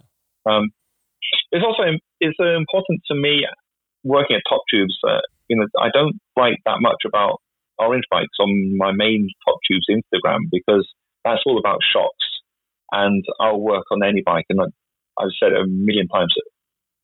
But, um, basically, any bike made after 2020 is a really good bike, Hmm. and but I sell orange because because they dare to be different, they dare to be simple, and they they work really well. Um, yeah, and I, I compare them to Porsche with uh, with the engine at the back. You know, it's Ah, it's not the best idea, but they work really really well. And Porsche's brilliant cars. Yeah. Yeah, Unless I'm Not- driving and you're sitting as a passenger and then you get sick. I, I still love a Porsche. you know, it's just, it just it it infuses me. Cool. But yeah, they, so they went into uh, administration. I I don't know why. I didn't really see it coming. Um, I was working with. Uh, I was actually working trying to get a couple of um, athletes, Norwegian athletes, on Orange, um, and then they they Orange uh, put out that they were stopping the factory team. Um, mm. And I was honest with these two athletes that you know maybe maybe go and uh, this is probably not the time to change from the sponsor you already have. Yeah. To be honest, ah. but um, I mean that, that would have been again. That's cool. you know, it's not just Orange that have cut out the uh, their enduro teams and downhill teams and so on. As, as I mean, uh, this year a lot of people, a lot of major sponsors, major bike manufacturers have pulled out of both enduro and or downhill. Yeah, and I think that the trouble that Orange were were in was probably just pales in comparison to some of the, the major brands because mean, Orange they produce bikes in England, so they they produce basically by order. When I order a bike from them, it can take six weeks for the bike to be built uh, before it gets shipped to me. So that it can take quite a long time to get that dream bike in worth waiting for. Uh, and it's not. I, would love to be able to have like several oranges in, in store, but I'd, you know, whichever bike I'd have in would probably be the wrong color that that you would want, uh, or the wrong size. So they they shouldn't really have that much problems. Uh, and I know that the factory that they had, they uh, was owned by an aluminium um, producer. Mm. It's like alum, they they brought alum or they made aluminium, and then that that company uh, made aluminium sheets, which got you know, basically bent into the shapes that Orange uh, welds together and, makes the frames out of.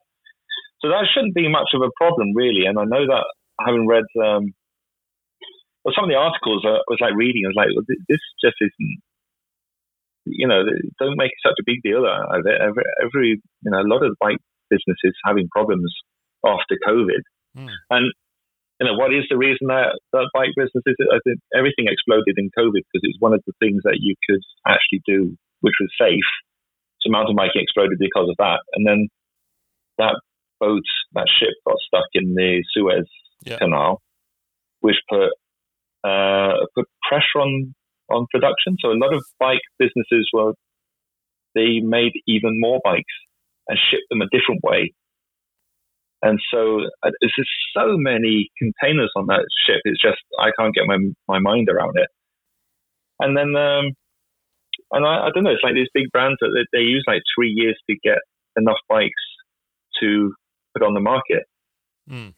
So yeah, um, they went into administration. I think they uh, streamlined the business. Uh, it turns out now that they've got everything under one roof. So uh, production and and storage and uh, offices, sales and everything is all in one building now. Yeah. So that should save a lot on time and, and money. So that's a good thing. Cool. Well, it's good to yeah. good to hear they're they're still still going. You know, obviously being English, have a bit of a uh, having having looked at them in magazines in and yeah. whatever. It's nice to see they're still around. Gonna gonna have to move on a bit. Got uh, yeah. got some got some questions uh, uh, here. Oh, awesome um, that have come in. Just give me two seconds here because I've got a daughter who is trying to call me while I'm making a podcast. Ah, we're back. Right. Um, if you could go back and give a young Rufus advice, what would that be? Fucking work out, you lazy bastard. and, and stretch. And stretch. Work out and stretch. Uh, yeah, I was so lazy. I could. Yeah, I mean, I I give myself. Uh, I say that I can't ride. It's just that I know so many really good riders. Yeah. So yeah, work out. You know, because you can you can accomplish your dreams, and I never dared to think that I would ever get anywhere. Yeah. Um, do stuff like that. I've never aimed at anything. Everything I have and have done uh, has always just sort of just sort of happened. I've never worked hard at it. Um, and the other advice I'd probably give myself was um, to have a, a, a healthier way of looking at racing because I always I'd go home from the races really disappointed that I hadn't been like top three. Um, where uh, I think when I when I kind of really threw in my towel and said I'm not doing racing, there's one guy came up to me and said, "Oh, that was a shame because he always used to compete against me." Yeah. And I knew who he was, but I didn't know. And he he showed he said on the results we were always like swapping places, always you know Mm. top fifteen or whatever, whatever we were. And I didn't realize, and he apparently to a certain extent would try and beat me those weekends, and I I never did that. I was always trying to beat Emil and, and Owen, which, Yeah. which I never never could. Yeah, uh, I think that's a really good advice because I definitely have been guilty of that. Where, you know, like, I was saying before, it was it's nice in like when I was in Madeira and like you were talking about being seeded with people that are similar to you, um, Mm. because and and not that it's not a good idea to race against people who are better than you, but one thing I've definitely been guilty of is you know going to enduros, and there's a lot of good people at enduros, and especially like some of these kids that are coming up now are just crazy fast, and it's Mm. so easy to like just think, well, I'm shit. Everybody is as quick as that person, and I remember I was standing in the queue for Drammen Enduro, and there was a guy two, three people behind. He was just wearing a white t-shirt, no, n- none of the sort of wannabe sponsorship thing going on.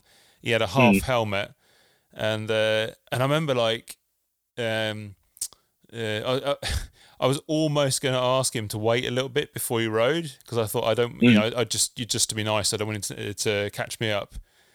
And it was fucking uh, Lars Sandviken. it's like, I think he won or something. And it's like, Yeah. and uh, talk about like you're saying about with me with the Porsche earlier, and like you know judging people by their looks, and uh, yeah, uh, and I just remember getting, and I and I didn't realize at the time because of course he flew past me like I was standing still, Yeah. and and I just remember thinking at the time like, God, I'm riding so slow, and I looked at results afterwards, and I was actually like, right, sort of right up on the top end of where I was both Yeah. wanting and expecting to be. And then I realised, obviously, that oh Christ, it was last time week and he won or came second or third. I don't know, which- whatever. But it's just like, yeah, definitely. Um, stop looking at people. Stop stop getting worried about people who are faster than you because there's a lot of people who aren't anywhere near. You know, definitely, definitely. yeah, Um, Yeah, I mean- yeah. Sorry, go on.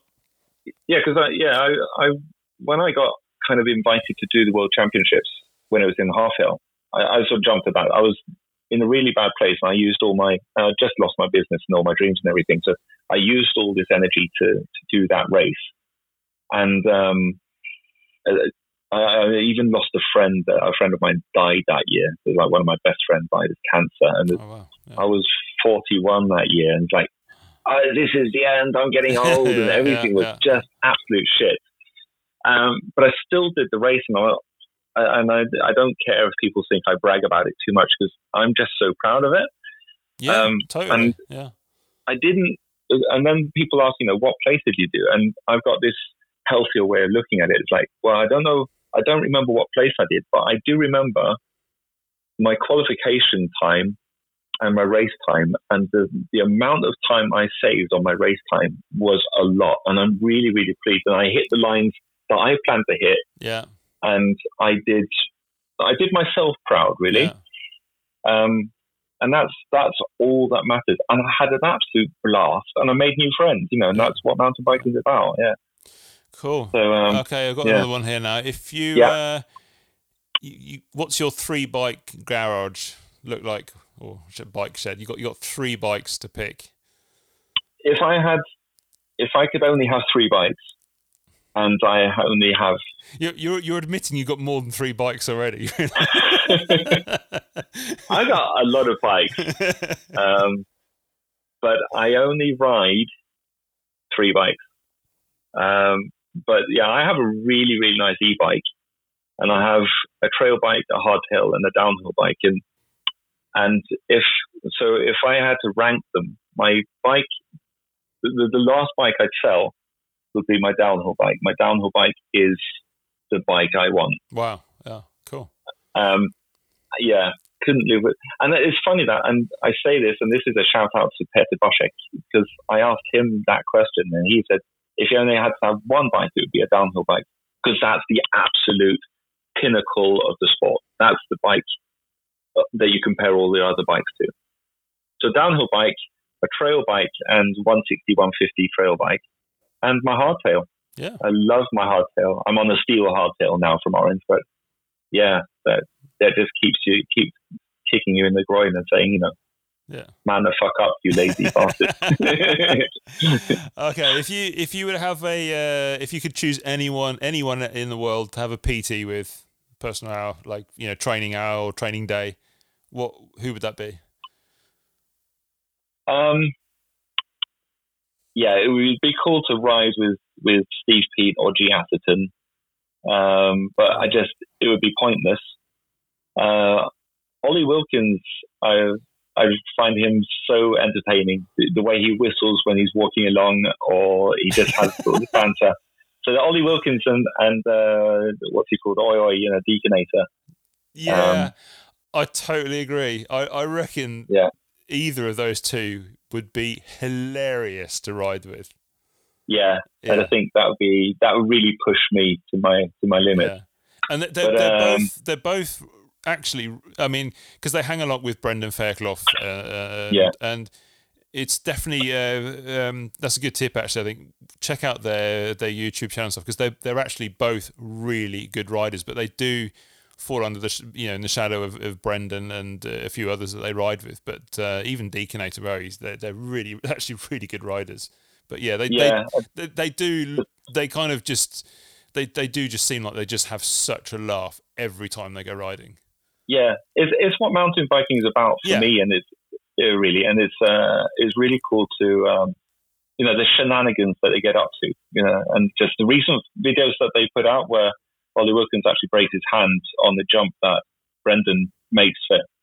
Basically, makes a jump for Ollie Wilkins as a as a present, and then it breaks his hand, and they laugh about it, and it's hilarious. And uh, It's it's Sam just, Pilgrim, I'd, uh, I'd like to ride with. There's such a lot Oh. of talent in that one person. And they go out and ride whatever bike. You know, if it's got wheels, he can he can backflip it. Um, I, I that's really cool. absolutely love Sam Pilgrim, and, and like you say, it's just he also again, you know, it's not so much the bike, obviously, but it's it's it's the ride. I mean, you just look at what he does on any bike; it's just Mm. ridiculous. Yeah, yeah, Yeah. totally agree. but but to be honest, I actually I have a friend who's a PT. Is a big shout out to Kieran, uh, and he he kicks my ass into shape. Um, oh, uh, way too seldomly, but you know I love riding with him. We uh, we have this we have a catchphrase. We sit in the lift. We watch how people ride, and we say, "I wouldn't do it like that." Yeah, uh, just can't get enough of riding with Kieran and and a lot of my other mates I see way too seldom. But yeah, yeah. so, yeah. Alex uh, Guidos, he's been on the podcast as well. He wants Hello, Alex. Hello, Alex. Yeah, yeah, you know this. Uh, about time for a Jubilee FFF, he says. Yeah, people have said that, um, and I think we talked about it in in Drammen last year. Um, I have this. I do like. There's this saying in Norwegian about it's better to keep your mouth shut and seem stupid than to open it and remove all doubt. Yeah, I, I live by that, and I think it. Uh, we tried to do a reunion of FFF back in 2008, and it just it was a total flop. There's so many things killed FFF, um, which are still, uh, and they killed it, uh, but made it better.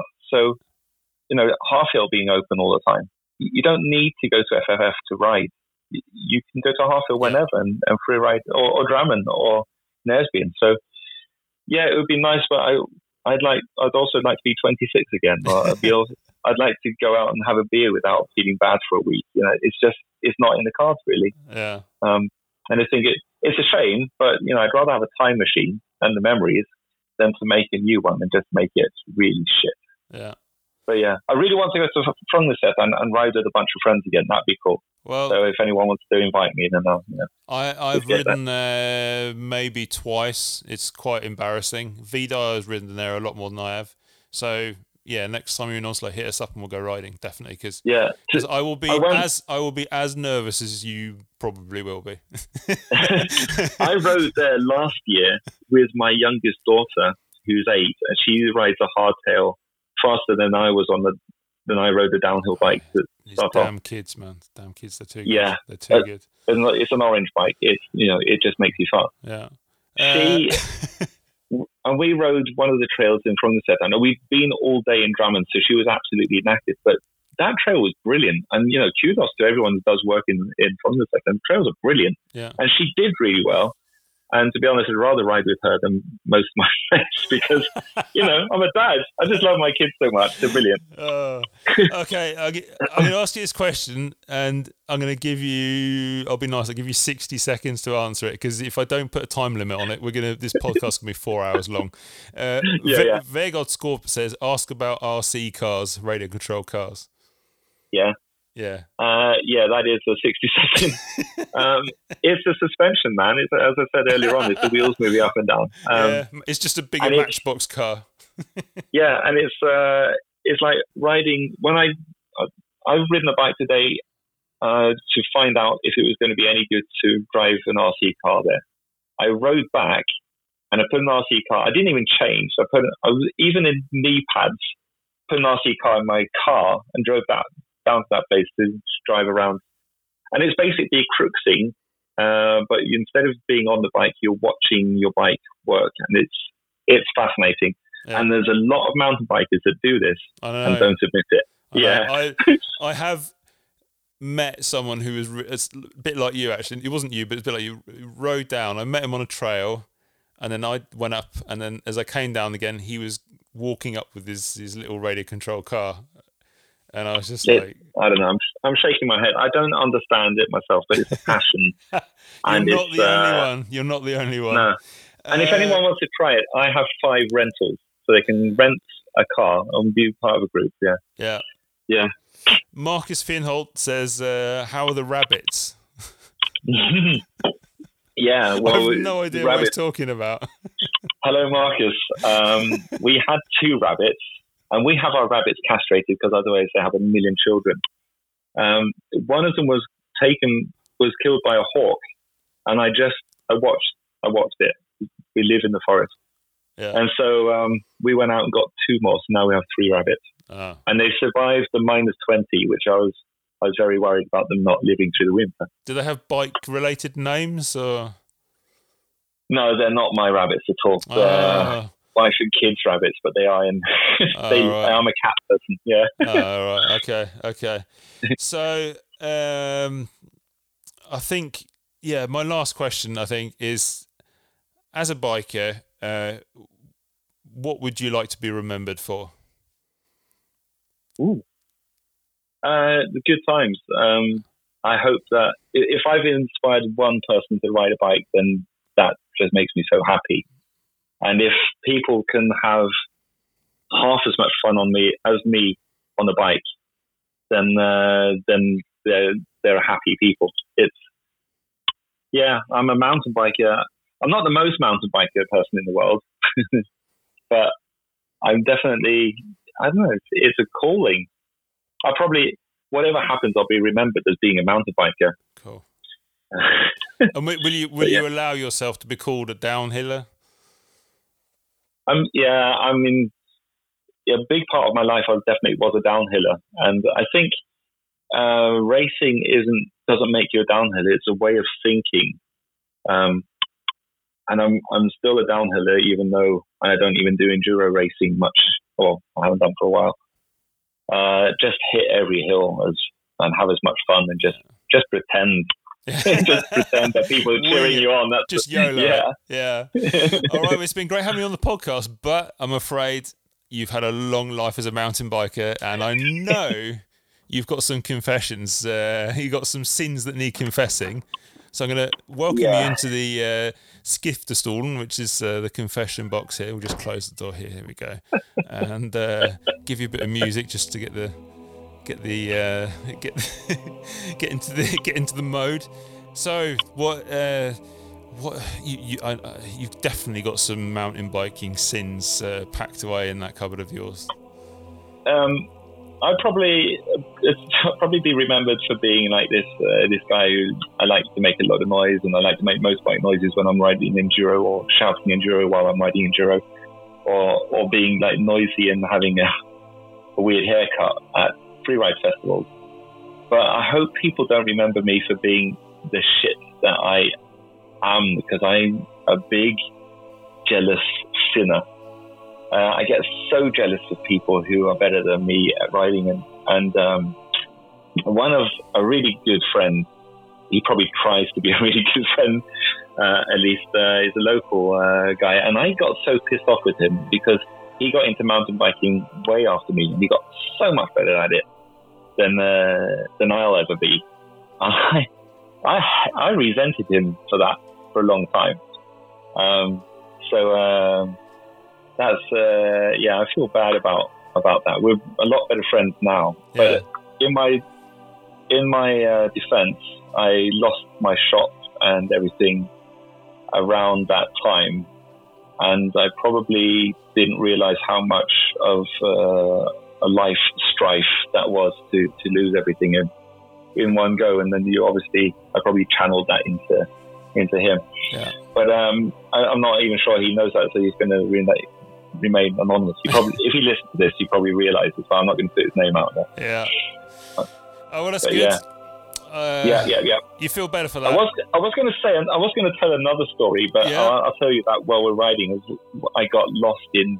I thought I was in France, but I was actually in Switzerland, and As you that do. was like you know Yeah. it happens. I'm sure many Um, people have done the same thing.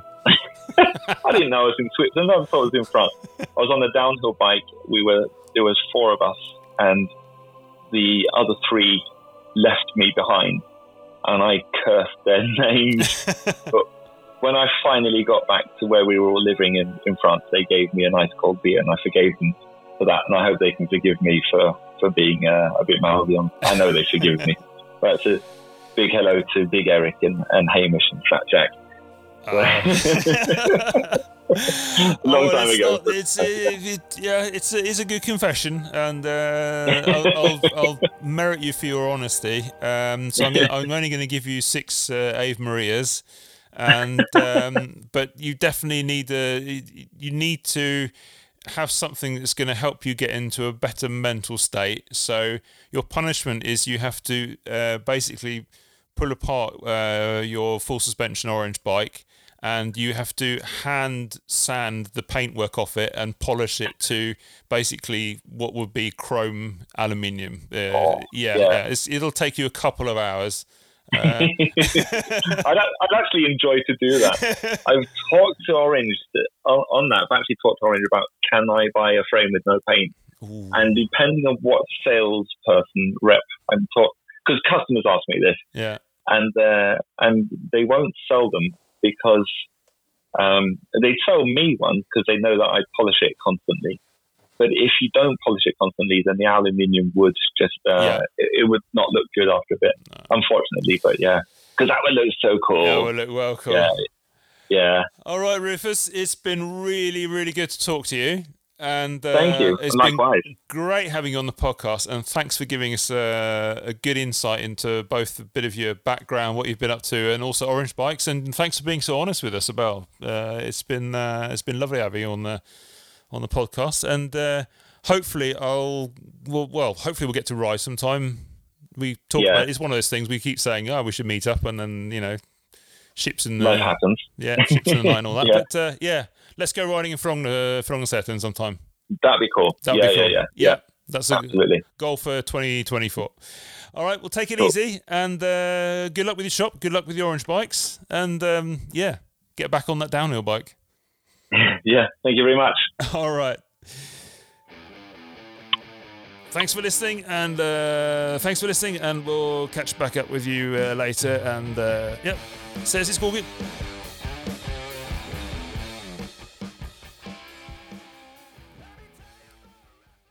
Yeah, we